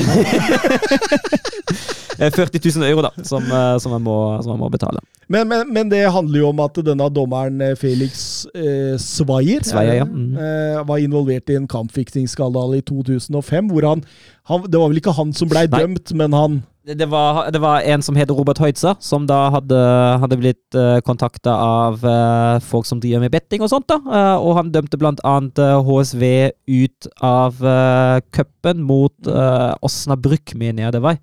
Eh, en lag som på den tida spilte på tredje nivå. De tapte vel 4-2. På den tida var jo HSV et uh, ganske stort, uh, stort lag i Ja, Tyskland. for nå er det jo ikke det. Er riktig. Nå, nå kan, nå kan de fint ryke mot Osnabrück på egen hånd, uten at dommeren, dommeren hjelper til. Men uh, og så Han ble vel dømt til, til to års fengsel. Det var en kjempeskandale som gikk, gikk opp ned i tyske medier, og mange involverte som fikk straff. og ja. Ja. Og han, eh, han Sveie Hva han slags var rolle hadde Sveier? ja, han hadde en, en veldig liten en. Det var vel, eh, det var vel en eller annen kamp på tredje-fjerde nivå da han ble kontakta av folk for fiksing, og så var det enten at han prøvde å fikse den, eller at han ikke sa ifra at noen hadde kontakta han og fikk han en bot. Bellingham kan historien sin. Han, han, han, Han altså, ja, kan historien sin. Det er godt, det er, altså, det er godt jobba av Bellingham. Jeg er imponert. Tror du ikke han har blitt fortalt det i garderoben? eh, Ja, altså, jeg, altså, Av hvis Marco Royce, liksom, som allerede antakeligvis kunne det der. ja, men altså fortsatt at han, at han som, som engelskmann, og såpass ung engelskmann òg, kan det der, det, det er sterkt. Jeg, jeg altså. tror det var en av spørsmåla i quizen på Hummelsleken. Hummels game. Eh, Resultattipset Jeg prøvde jo meg igjen, det har jeg brent meg på før, å tippe Dortmund i Du har på deg. Haaland-briller hver gang du tipper Dortmund. Nei, men jeg, jeg kan ikke sitte og, og håpe på tipset mitt for Bayern München og heie på Haaland. Sett på deg, sett på deg den da, du. Nisselua, ja. jeg tar på meg nisselua. Mens dere får ett poeng hver, var ingen som traff korrekt resultat. Vi hadde riktig differanse, da. Jeg, jeg hadde riktig differanse. Du hadde riktig antall bortemål. Jeg Å, hadde jeg tippa jeg tre. Du, du tippa 3-1, jeg tippa 2-1. Å, var jeg så nære! Ja, og jeg hadde riktig Dortmund. ja, ikke sant? Vi hadde noe riktig alle sammen. Ja, faktisk. faktisk. Men, Har du er bare, riktig? men jeg dårligst ut av differanse. Tippa, 1-2. Nå, nå, nå, nå drar vi dit her. Ja, vi, vi, må få, vi må treffe der vi kan. Eh, banens beste. Ja, jeg kan jo starte. Jeg syns Bellingham. Eh, jeg syns Jude Bellingham er arkitekten bak Dortmunds angrepsspill i store deler av fase, i hvert fall når det gjelder mot etablert forsvar. Jeg syns det, eh, det han gjør med ballen av Stålen, ender opp med, med to assister, er fantastisk kamp, eh, rett og slett. Eh, for meg soleklart uh, tre poeng. To til Kingsley Coman. Uh, som jeg syns utnytter rommene bak, uh, bak Ireiro godt. Uh, Skåra. Uh, har flere sjanser. Jeg burde kanskje utnytte de sjansene litt bedre, men fortsatt en eh, en god kamp, og én gir jeg til, eh, til Thomas Mulla, som jeg syns eh, er solid i angrepsspillet. Jeg vurderte også Lewandowski, som gjør lite ut av, mye ut av lite, men jeg syns ikke han er involvert nok til å Romfortolker. Ja. Var det det Kjernås kalte den? Ja, ja han er jo eh, Raumdeuter. Ja. Ja, deilig. deilig. Ja, jeg, har det, jeg kan si jeg har det samme som deg, Søren, bare jeg har bytta Miller og Komma. Jeg har ikke det. Jeg har Bellingham da, på tre. Den er enig. Så har jeg Sané jeg, Ja, på to. men han spilte jo knapt nok en omgang, gang han ikke? jo byttet ut til 65. Ja, men jeg syns han var Altså, Bayern etablert, da. Det er jo der jeg syns han er så bra. Er blitt, blitt så bra. Så det er derfor jeg, jeg lot meg målbinde litt av han. Og så er jeg Jeg syns at Royce, altså. Ja. For han er en av få bidragsytere. Talisman. Eh, Så jeg endte opp der. Deilig. Og med de orda går vi over til Serie A. era il marcatore di Cannavaro. Palla tagliata, messa fuori, c'è Pirlo, Pirlo, Pirlo, ancora Pirlo di tacco, tiro, gol!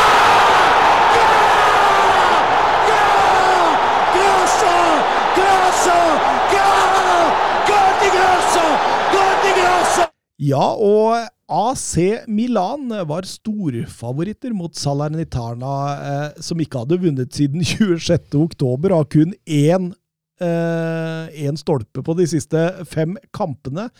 Eh, Pioli valgte å stirre med Pietro Pellegri, 20-åringen der som, som på lenge var sett som, som Italias største talent, men som har mislykkes voldsomt i, i Monaco pga. skader, og er tilbake i eh, Serie A på lån nå. Eh, Det var vel kampen å starte Pellegri òg, tenker jeg. Ja, motstanden der var ikke, var ikke spesielt nevneverdig, og Milan vi jo kampen forholdsvis tidlig også. Eh, og det var jo fullstendig enveiskjøring i du må jo stakkars Pellegri ut allerede etter, et et kvarter. Det, det var så trist Ja, å se på, kjipt, faktisk. Skikkelig kjipt. Så, ja, men altså, Milan setter jo skapet veldig tidlig, veldig tydelig på plass. Uh, og er jo det, altså, det er jo klart beste laget i 90 minutter. Ja, altså, de, de, de, de, skårer to ganske raske. Først med Kessie og så med Salimakers, og så, og så Og så er det liksom De bare skrur av og kontrollerer. Det er bra, det der 1-0-målet. Du ser Rafa Leao stå rolig, Ja. og så bare begynner han å spurte! Han gjør ingen finter, ingen utslag, han bare begynner å spurte. Og bare Salentina-spillere bare forsvinner. Mm. Han, bare rett, han løper rett og slett bare fra det. Fascinerende å se på. Salemakers så, etter 2-0-skåringen sin, er ute og henter en eh, Simon Kjær-trøye. Ja, han eh, er vel ute, er skada ved korsbånd, er vel ute i et halvt år nå. Skikkelig trist. Absolutt. Og Salemakers er også den 14. målskåreren for Milan i ligaen denne sesongen. Og det er kun ett lag i våre topp fem-ligaer som har flere forskjellige målskårere i ligaspillet. Og hvem, hvem tror dere Hva sa du, det de hadde 14 forskjellige, Ja. og det er ett lag som har flere. Er- Kan det være City? Nei. Nei, Nei. Har, de et hint? Ja. i ligaen. I samme liga. I samme liga i Syria? Nei, som City. Og ja, som City? Liverpool. Chelsea. Ja. Må jo være Chelsea. Må jo være skjedd, ja, ja, ja. Egentlig. Du får tid til å tenke. Men det er jo altså Det blir jo litt sånn eh, Holder vi i ballen, så klarer ikke Salernitana å skåre her. Og det blir jo litt sånn, altså Den blir mer opptatt av å kontrollere. Eh, Pioli begynner å spare tidlig spillere, og det blir jo en transportetappe ut, dette her. Og, og, og, og det, det er nesten det, det, det, det, ja, Nesten litt sjokkerende å se hvordan det går an å kontrollere en Serie A-kamp så til ti grader. Vi, vi, vi ser det vel også kanskje Juventus Ja. sitt oppmøte mot Genoa litt seinere, som vi er inne på. Men, men det her, er fullstendig enveiskjøring, og, og de gjorde som de ville. Og man må tilbake til 03-04-sesongen for å finne en bedre åpning på de første 16 kampene enn det Milan har nå. De står med 38 og ble vel også serieleder. Ja, det ble det. Napoli gikk på en smell, dem. Mm, nok en gang. Nok en gang. Var det Atalanta? var det? Mm. Um, ja, for det er jo Inter som har krabba seg opp i, i, i eh, andre posisjon Det, der. det er litt gøy at man kanskje får en gullkamp mellom AC Milan og Inter Milan. Det, å, det har vært nydelig. Fordi eh, Inter Milan de var på tur i Roma og møtte José Mourinho. Men altså, kampen. Eh, jeg, jeg så den så å si i sin helhet. Eh, veldig stillingskrig de første 15. Og så skårer jo Shanaloglu på det eh, Altså, direkte. Det kan vi bare si at Patricio, det å få slått tunnel på på en direkte corner som keeper, det er en prestasjon som jeg ikke tror mange i de store ligaene har klart før. altså. Men, men altså, han må unnskylde, for det er jo en duell der. Ja, som han, han klarer men- jo ikke å beregne hvem Nei, nei, nei, som selvfølgelig ikke, men fortsatt, altså. Jo, jo, jo. Men uh, jeg, jeg, altså, jeg reagerte på at den gikk inn. At det, det var vel flere cornere som ble slått rett i mål for den her. Ja, men, kommer til en annen Ja. men uh, at han skulle gå akkurat mellom beina på den, der føler jeg ikke Jo, men og, og, og da får jo Inter et boost av dette, Mm. og, og kjører jo Roma fullstendig. Tsjeko gjorde eh, 0-2 der. Klasseskåring! Ja, nydelig. nydelig. Ja. Der er det flere samtidige bevegelser, og der, der stemmer det bra for Inter. Altså. Ja, de gjør det, og da, da De ruller over Roma i det. Og så, og så kommer Roma inn i det etter rundt halvtimen. Eh, skaper et par sjanser. Sanjolo der, Vinja der. Og det ser ut som Oi! De er på vei inn i matchen! Dette kan bli spennende! Og så kommer 3-0 med Dumfries Ja, og, og han blir jo viktig. For, altså, av, av mot Sanjolo han blokkerer nesten rett før. Ja. Og så er det den påfølgende angrepet som, eh, som Inter skårer på, da er jo løpet kjørt. Og det er liksom Det, det, det, det var akkurat som at de skårer i riktig tidspunkt eh, etter 15 minutter, og så eh, drar de momentumet av det. Mm. Og så kommer Roma inn i matchen, og så får de det. Men det er jo enormt innlegg av Bastoni på, og Dumfries. Mm. eh. Men han, 3-0 han, han ofrer jo liv og hålet her for å få komme først på ballen nå, da. Ja, ja, absolutt. Og, og, og, og, annen omgang kan vel egentlig betegnes som en liten resignasjon Mm. på mange måter. Altså, det var nesten litt trist å se på, egentlig. Det var liksom eh, de, de møtte rett og slett da et lag som var bedre i absolutt samtlige faser av spillet, altså. Altså, de, de hadde ikke kjangs, egentlig. Det, var, det, det, det, eneste det var Jeg hørte Kommentatorene ble jo så oppjaga der når Sanjolo banka han i nettveggen der. De var helt Det var jo Tilskuerne jubla. ja, ja. Og de var jo sikre på at det var mål i et halvt minutt omtrent, før De trodde jo bare Sanjolo faktisk demonstrativt var, liksom, var forbanna etter Mm. skåringa der. Um, Perisic òg syns jeg var frisk. Han er kanskje banens beste. ja, jeg kanskje synes banens han var bra. Han viste jo at han faktisk kan løpe fort. Mm. Og jeg syns også Correja, hvordan han vandra rundt mellom linjene der. Mm. Eh, en Barella som alltid kom inn i boks og, og var med på å danne, danne overtall i, i mange av de på en måte korridorene foran der. Altså, de, de, Roma så ut som dem altså, du, altså, de spiller ikke dårlig, Smalling, Kombola og, og uh, Manzini. De vinner mye dueller inni der. Men mens Seko var en håndfull, han var kjempegod. Mm. Men det er bare det trykket som blir for, for stort for dem, altså. Og eh, da blei det jo tap, og Jørgen Be Ready spør er Mourinho ferdig. Og Mourinho var ikke blid etter kampen. Nei, vi, er, vi er på det Kasta, kasta han noen under bussen, eller? Nei, men altså eh, Han svarte jo blant annet eh, det første spørsmålet som kom på pressekonferansen, var et eller annet sånn der ja, ja, som han bare blir irritert over, og så sier han det er derfor du tjener mindre enn meg. Fordi din jobb er, å, er så enkel at du kan stille sånne spørsmål, liksom. Eh, så, så, så han begynner på den der, der igjen. og leste et intervju med Pedro Almeida, som er en portugisisk journalist som følger Mourinho tett nå. Han sier at eh, jobben kan være i fare. Han sier at eh, det har vært samtaler med Mourinhos representanter og Everton Ja, det er riktig, det er riktig en leste. mulig Stakkars Everton. Ja, stakkars Everton, faktisk. Altså, det kommer Fordi ikke til å gå. nå ser det ferdig ut. Altså. For Mourinho? Ja. Han må utvikle seg. Jeg altså. satt i fotballuka-studio for to og et halvt år siden og sa Mourinho var ferdig når han fikk sparken i, i, i Manchester United. Ja, men Du hadde litt trua når han ble ansatt i Tottenham? Ja, for det, det kom jo det kom jo et oppstyr og et høss, ikke sant? Som gjør at det liksom ah, ja, Og så er det klubben din, da. ja, ikke Det er lett å bli Ja, det blir jo fort det, men, Men, men det ser eh, Nei, Du hadde jo litt trua på Roma òg, da? Ja.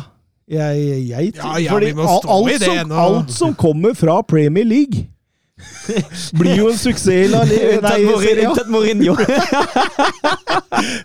Kan til og med Chris Smalling og Miktarian kan komme og gjøre suksess. Men Mourinho, han klarer ikke lenger. Nei, han er, ja, nei, han er ferdig. Ja, og, så, og, så, og så skal vi over til Juventus i oppgjør med Genoa, og det var en sjuk, sjuk, sjuk fotballkamp. Ja, Ligner litt på Milan mot uh, Ja, bare enda mer ekstrem. Ja, uh, fordi Juventus ikke får den uh, 2-0-skåringen tidlig. Andrej Sjevtsjenko, han eh, Ja, Sjevtsjenko-effekten. ja, det er, den, den, den er uteblitt. Den har gått ut av ballongen de luxe. Altså, når jeg satt og så den kampen, så tenkte jeg Ok, altså eneste forskjell med Sjevtsjenko og Ballardini når, når han var trener i Genoa, da, det er at det har bare blitt enda kjedeligere. Ja, du har ikke scora på de tre siste, eller noe? Nei, altså, de har Altså, eh, Sjevtsjenko kom jo til dette oppgjøret med én uavgjort og to tap og 0-5 i bagasjen. Ja, nettopp, ja. Eh, Codrado setter jo kjapt 1-0 på corner. corner. Og den er finere. Den er fin, ja, mye den er finere. Ja. Men der ser det jo nesten ut som han prøver å score. Mm. Shalanoglu ser det ut som prøver et innlegg. Og, og Codrado er den åttende spilleren etter årtusenskiftet som skårer på direkte corner i Serie A. Tenk at han hadde to stykker Mm. av de åtte Er det i samme serierunde! det, det er en fjerdedel? Ja, det, er helt er sykt! helt Hva, hva er oddsen for det? Det er helt spinnvilt. Det er helt spinnvilt at man får det. Eh, de seks andre som har klart det, er Di Natale, Rigoni, Papu Gomez, Rodrigo de Paul og José Callejon Ja, og er, Erik Pulgar. det er fine navn, altså. Ja, det er jo mange gode føtter. Ja. Mange gode føtter. Men altså, syns du Altså, hvor gode var Juventus, og hvor svake var Genoa her? Det er det som er litt av greia her. Nei, jeg syns Genoa var fryktelig, fryktelig svake. Altså, de ville jo ikke. Nei, det var Sirigu mot uh... Og han var vanvittig, altså! Ja, ja, han var strålende. Han var jo en levende vegg. Altså, Juventus kom jo ikke gjennom. Nei, det, det, det var helt strålende. Altså, De de greide ikke å penetrere Nei, de klarte ikke det i det hele tatt, Mats. Eh, Penetrerte ikke Sirigu i det hele tatt. Han Dybala får satt 2-0 rett før eh, slutt der, da, og det var en flott scoring og så så fortjent. Og, og Genoa havner på en XG på 0,00. 0,00. Ja, ja, Det, det, det, Det var ikke, en sjanse i verden på de 90 minuttene pluss overtid Genoa kunne skåre mål. altså, det, det ikke, jeg tror ikke det er mange lag som har klart det i seriespesielt, man har starta med XG også. Det ser jo blytungt ut for Sjevtsjenko. Ehm,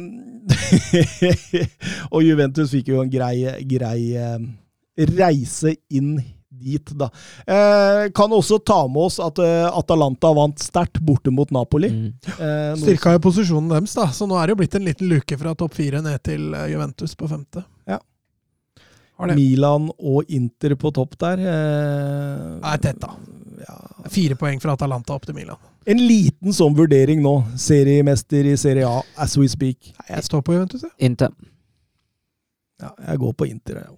Jeg syns de ser Mm. knallsterke ut. Og nå, nå har de jo vært i god form Ja. den siste tida, og det skal sies. eh, Jeg syns Juventus ser litt for langt unna ut. Altså. Jeg gjør det. Men du vil ikke vingle? Ikke ennå. Jeg vingler etter nyttår. Deilig! Da vingler du etter nyttår, og så vingler vi oss videre til League Ø. sur la frappe de Messi de, De de Mercado, Mercado, et, et là aussi on a un petit peu de réussite. Griezmann sur l'appui, c'était bien joué avec Giroud. Oh, Zidane. Sylvain Oh, Sylvain, il l'a vu. Oui. Kylian Mbappé. Kylian Mbappé, il l'a vu. Ça fait 4 Et ça fait peut-être un quart de finale pour l'équipe de France. 68e minute Oh, la joie collective parce qu'ils ont tous jailli du banc pour aller saluer cette passe décisive géniale de Giroud et ce doublé pour Kylian Mbappé Og i oppgjøret mellom eh, Lans og PSG valgte eh, argentinske Pochettino å stille med en argentinsk trio på topp. Eh, Neymar er ute og, og Mbappe hvilt, og da ble det Di Maria, Icardi og Messi. Det ble jo spekulert i at Mbappe skal spille mindre framover, da man antyder at han er klar for, eh, for Real Madrid. Han satt vel to tidlige kasser i Champions League i kveld. så- Ja, så men, jeg så. men eh, jeg tror han blir vilt i uviktige kamper, da, for, å for å omformulere, omformulere meg. Eh, men uh, herlig Lans, egentlig. Sånn Mm. strålende overgangsspill, strålende kontringsspill der. De skaper jo kjempemye trøbbel for PSG, Ja. egentlig. Jeg syns, syns Lans er, er langt artigere å se på i den kampen enn PSG egentlig er. I hvert fall fram til Mbappe kommer inn. Ja, ja, helt klart. Helt klart. Eh, De, de burde ha skåra både to og tre mål i, i den Ja, matchen. Dokore, Moinga der. Ja, det er jo, Eh, det er jo Navas som til slutt ender opp med å surre, men eh, eh, han har også et par klasseredninger. Ja, absolutt. Det står jo 0-0 til pause der, og, og eh, PSG har jo sine sjanser. Ja, Messi i stolpen, blant annet. Ja, det er klassisk Messi, drar seg inn fra sida der Mm. også. Men, men eh, Lans, eh, voldsomt eh, morsomt å se på overgangsspillet. Morsomt å se på Seki Fofana. Mm. Han eide jo den midtbanen. For en workrate! For en fantastisk driv med ballen! For et Altså, så ut som en hybrid av eh, Altså hva, hva, er jeg ute etter nå, det egentlig? En type midtbanespiller da, som på en måte løper inn i La, la oss si Kaka. Det så ut som en hybrid av Kaka og Kanté. Er det lov å si det? Kakten-te? Jeg kan ikke si ka og så en te, for da blir det jo kante. Kan-ka? Kak- Kapunka? Er Kakté. ikke det Ja, nei, eh, men jeg syns også Dukoré var bra. Ja. Han, var ikke, han var, var ikke så fremtredende som Fofana. faen så nei, jeg er helt enig med deg. Det landslaget her var Og det er litt sånn PSG-fella, da. Altså, det er liksom Når det Jeg satt og så den City-matchen. Det, PSG er, det er ikke bra, altså. Nei. To siste kampene etter PSG nå har vært svake. Mm. Eh, Fofana setter 1-0 der. Da Costa er nære 2-0 rett etterpå. Mm. Da, da gjør Pochettino et trippelbytte, får inn Ghana, eh, Vinaldum og Mbappe, og da begynner PSG å kjøre. Ja. Det var litt uh, Mbappe kom inn der, det hjalp. eh. Han hadde jo en kjempesjanse som han brant før han eh, serverte Vinaldum. Og, og Pochettino kan uh, i gåseøyne genierklæres for eh, gode bytter. Jeg kan slå fast at PSG ikke klarte å slå Lens. For Men- andre år på rad så funker den vitsen ennå. Ja, ja. gjør det, gjør det. Ja, men det kommer til å funke i 2025 òg, Så lenge vi holder på med, med, med like og lås er på øverste. Men, men så dere reaksjonen til Mbappe etter han serverte Vinaldum der? Han han går bare til Han er ikke mye å juble seg. Ja, han går bare tilbake demonstrativt, uten en mine i ansiktet. Altså, det er et eh, kroppsspråk som Altså At altså, du ikke engang trekker på smilebåndet, det, det syns jeg da Du har scoret på overtid, du har redda et poeng, du har vært fremtredende i det. Det, det. det virker jo som han er på vei vekk mentalt, spør du meg. Jeg har sett mye nå hvor det står ja, han kan godt bli og sånn. Jeg har ikke tro på det. Ikke i det hele tatt. Han er borte allerede mentalt nå. Uh, Men PSG, da? Fortsetter å ta poeng selv om de ligger under. Ja, det er jo litt sånn samme, samme mølje hver gang. Det vel, var vel en eh, midtukekamp nå, da. Jeg også spilte, spilte vel 0-0, var det ikke, mot Jeg vet hva, jeg husker ikke. Jeg tror det var uavgjort der òg. Jeg tror det er andre uavgjort på rad nå i, eh, i liga. Spilte mot NIS. NIS 0, var det 0-0? Ja. ja, det tror jeg. Ja, stemmer det. stemmer det, stemmer det. Eh, Anders Hansen på Twitter, er det håp om at PSG vinner CL på den måten de faktisk spiller fotball på, og hvor deilig er ikke Fofana? Er det håp? Nei. Nei, nei Men det sa de jo ja, forrige runde. ikke- De hadde jo sånn, slått ut City over to kamper i gruppespillet, da. Den vant 2-0 hjemme og vant tapte 2-1 borte. Jo, men det, det hadde jo vært et ran nå. Det hadde vært et kjemperan. Altså City er klart best i begge de to kampene, og det er jo det som er ganske klart tegn på at eh, City er for nei, PSG er for langt unna de engelske lagene, og antakeligvis Bayern München. Ja, det tror jeg vi lett kan uh, konkludere med. Hvis ikke det, tar, hvis ikke det skjer noe drastisk utvikling, da ja, de ja. Altså, nå Ja, men det, det er et eller annet der med altså, Jeg tror det handler litt om matching i ligaen. Altså Clermont, Fot og, og, og disse lagene der, det, det er ikke men samtidig, de viser jo ikke eh, sitt fulle potensial der heller. Nå skal de gjøre det, da. Nå Ja. skal, de, nå skal de vise det de er gode for. For de er jo, altså det bor jo så mye fotball i det laget, egentlig. Du har helt rett, Søren. Du har helt rett. altså, da har de jo to øverste på rad, og fortsatt så er det da eh, 10-11 poeng ned Ja. til neste på lista. Liksom. Ja. Vi kan nevne at eh, Marseille overraskende tapte 1-2 hjemme mot eh, Brest. Eh, det er jo forferdelig. Den var best, men Den var best? Den var Brest. Eh, Monaco, endelig 4-0 hjemme mot Ja, der løsna det litt, faktisk. Mm, det løsna litt. eh, flirer litt også av det eh, Boadou-kjøpet nå, som liksom Han fikk skåringa si i midtuka, nå skulle hun bare peise på, liksom, og så er det flatt batteri gjennom kampen. I en kamp de er best og vinner 4-0. Og blir tatt av igjen. Jeg tror han har 16 ligakamper og én skåring nå, denne storkjøpet til, til Niko Kovac. Mm, Han har vel vært ukas talent, Thomas. det stemmer, det. Mm. Eh, NIS tapper 3-0 hjemme mot Strasbourg. Og det, Herregud, altså, hva, hva De, skjer? går, de går fra 0-0 men- borte mot PSG til å Men der, der ser vi jo det som er problemet i league, Det er jo den ustabiliteten bak òg. Altså, bak PSG er det jo jevnt. Ja, absolutt. Men NIS eh, og, og Galtier sliter tyngre nå. Kun én seier på de siste fem. Eh, Blei et stygt hjemmetap her. Eh, fullt fortjent tap også. Eh, litt sånn Strasbourg ligger litt sånn tett og kompakt, eh, tar overgangene og, og rett og slett sjokkerer NIS på den måten. Eh, så kan vi også nevne at Renn vinner 5-0 borte mot, eh, mot Saint-Étienne, og at Renn nå ser ut som er det laget som på en måte spiller morsomst og kulest fotball i, i, i ligaen. Altså, de fyrer på alle sylindere der nå. Jeg tror, hvis det blir kamp mellom Tottenham og, og, og Renn, så tror jeg de kan få trøbbel. Altså. Hvis det blir kamp? Hvorfor skulle det ikke bli kamp? Uh, nå er det åtte medlemmer av Tottenham Hotspur, inkludert seks eh, spillere, testa positive korona.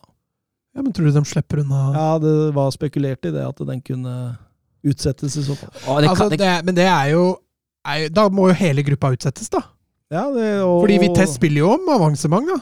Det, det, det, det er ikke klart hva som skjer, men at det kan bli utsettelse, det kunne det bli. ja, det kan bli tøft med utsettelse på Spurs etter hvert. Det er jo andre kamp som må utsettes Ja, ja. nå, og det er jo et tøft program fra før. Ja, og i så fall så blir jo sannsynligvis helgas eh, ligakamp også utsatt. Ja. Eh, blant annet eh, Lucas Mora og Son. Og Christian Romero. Eh, du har trener eh, Ryan Mason. Hva er det de har vært borte, ja? Jeg veit ikke, jeg vet ikke. Eh, ben, Da- få ben Davis. Ben Davis. Spillere? Mm.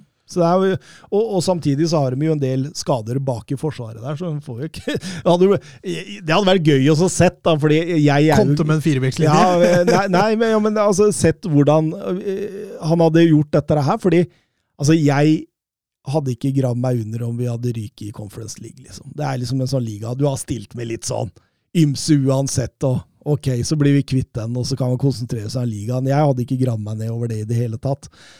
Eh, så, det, så, så jeg håper jo liksom at vi mønstrer litt kult fotballag, da, med litt sånn Scarlett? ja, eller akademispillere og litt sånne ting. Det hadde, det hadde vært litt gøy. Og så sett, fordi renn er en målestokk nå, altså. Det er dem helt klart. Eh, Europahjørnet før vi avslutter, det må vi ha med oss. Bra jobba, gutta! Bra ball! Ah, grei offside. Tor Håkon, den er grei. Tor Håkon! Nei, Tor Håkon, det var din egen skyld. Ikke bli sint for det, i hvert fall. da. Tor Håkon, ikke kjeft på dommeren. Og ikke kjeft på dommeren. Tor Håkon, nå hører du på dommeren. Det er hver gang, altså. Hver gang. er. Det er hver gang, altså. Det er hver gang. Ja. Hver eneste gang. Hver gang. Tor Håkon. Skal du begynne, eller? Jeg kan godt begynne. Ja. Anderlecht møtte Solte Varegem eh, hjemme på hjemmebane. Eh, det var vel et såkalt litt topp mot bunnoppgjør, der Solt Solte Varegem kjemper om, eh, om å ikke havne under streken, men Anderlecht kjemper om å komme seg inn topp fire. Eh, og det viste kampen også. Det var eh, egentlig fullstendig overkjøring.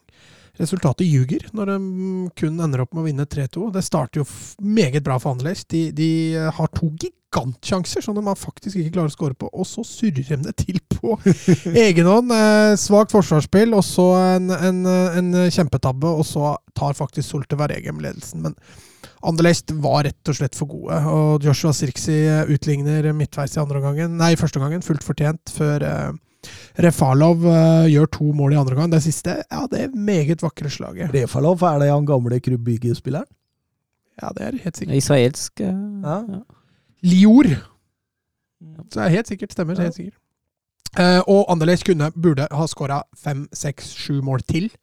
Så overlegne var de. Og så klarer da Sulte å skåre på en kontring på slutten og gjør det superspennende. Og på overtid så har de en gigantisk sjanse til å sette 3-3, men, eh, men uh, klarer altså ikke å utnytte det. Og en fullt fortjent seier til Anderlecht, men det er liksom litt det jeg føler med Anderlecht. Altså, de kan være så gode de bare vil. Det blir alltid litt spennende. Ja. Eh, og de sliter liksom med å komme seg inn i helt i toppen i, i belgisk fotball. Og, eh, men de spiller jo litt eh, artig fotball, som jeg har vært inne på før. Mye ball possession. Versaren har vært eh, tidvis veldig bra i det siste, så, altså, det har vært gøy. Kwame, som vi har også vært inne på, han ja, det, det er jo type, da. Eh, men eh, også en kul fotballspiller. Sirksi ser jo også tidvis veldig bra ut. Mm. Eh, er, han- er fortsatt leid inn, eller? Tror det, men han har ikke noe framtid i Bayern München. Nei, det tror ikke jeg heller. Eh, han hevder seg bra i, bra i Anderlecht, i hvert fall. Mm. Så, mm, men, men nå er Anderlecht på en femteplass, og de, de er ikke langt unna denne topp fire, hvor de bør havne for å kunne kjempe om, eh, kjempe om seriegullet til slutt. For her er det jo sånn sluttspill igjen, vet du. Ja, okay. Ja, ja. Spesielle sluttspillgreiene. Er det ikke debatt i Norge òg? Ja, slutt, slutt med sluttspill med en gang. Slutt med sluttspillet. Ja, Ja, Fryktelig. jeg er enig med deg, Søren. Eh, Ajax. Ja, Den kan vi ta kort, for den kampen var allerede på torsdag, og det har vært en hel helg gjennom. Eh, mot, det, er, det, er, det, er, det er liksom to dager til det har gått en uke ja, ikke sant. Eh, de spilte nå på torsdag eh, mot Wilhelm 2.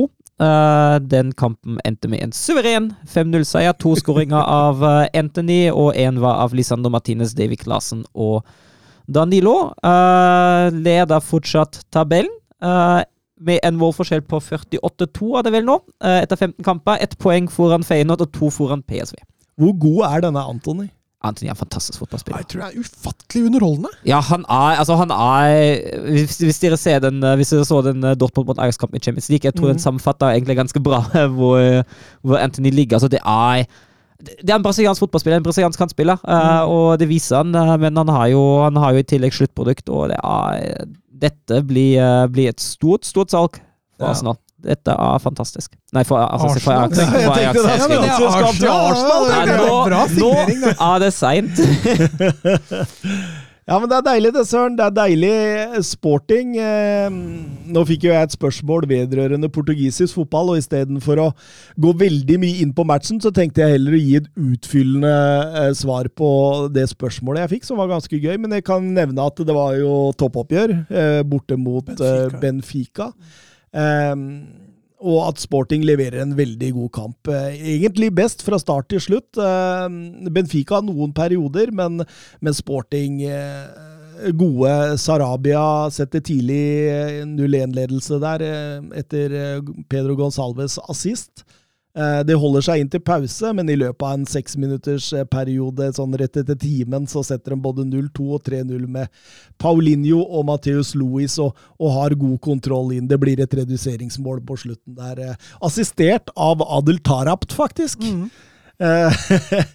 Men det var, det var egentlig, egentlig liten klasseforskjell lagene imellom.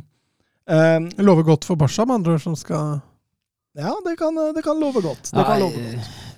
Du tror Kiev tror du Barcelona slår eh, Nei, men hvis Kiev slår Benfica, oh, ja, så spiller spiller det ingen rolle hva sant. Ja, ja, ja. Mm. Og, og Benfica så ikke bra ut her, altså. På Sporting var på et mye høyere nivå sånn. I, I veldig mange faser av spillet. Eh, Porto vant også sin kamp, så Sporting og Porto nå A-poeng på topp og har fått en luke da, til, eh, til uh, Benfica. Mm. Eh, Så får vi, fikk jeg da, et spørsmål fra Bernt Olav Gjellegjerde Hansen. Han har fått med seg at jeg følger litt ekstra med i ligaen nå, så han spør eh, liste på topp fem-spillere i ligaen så bør hentes til større ligaer. Det syns jeg var ganske morsomt.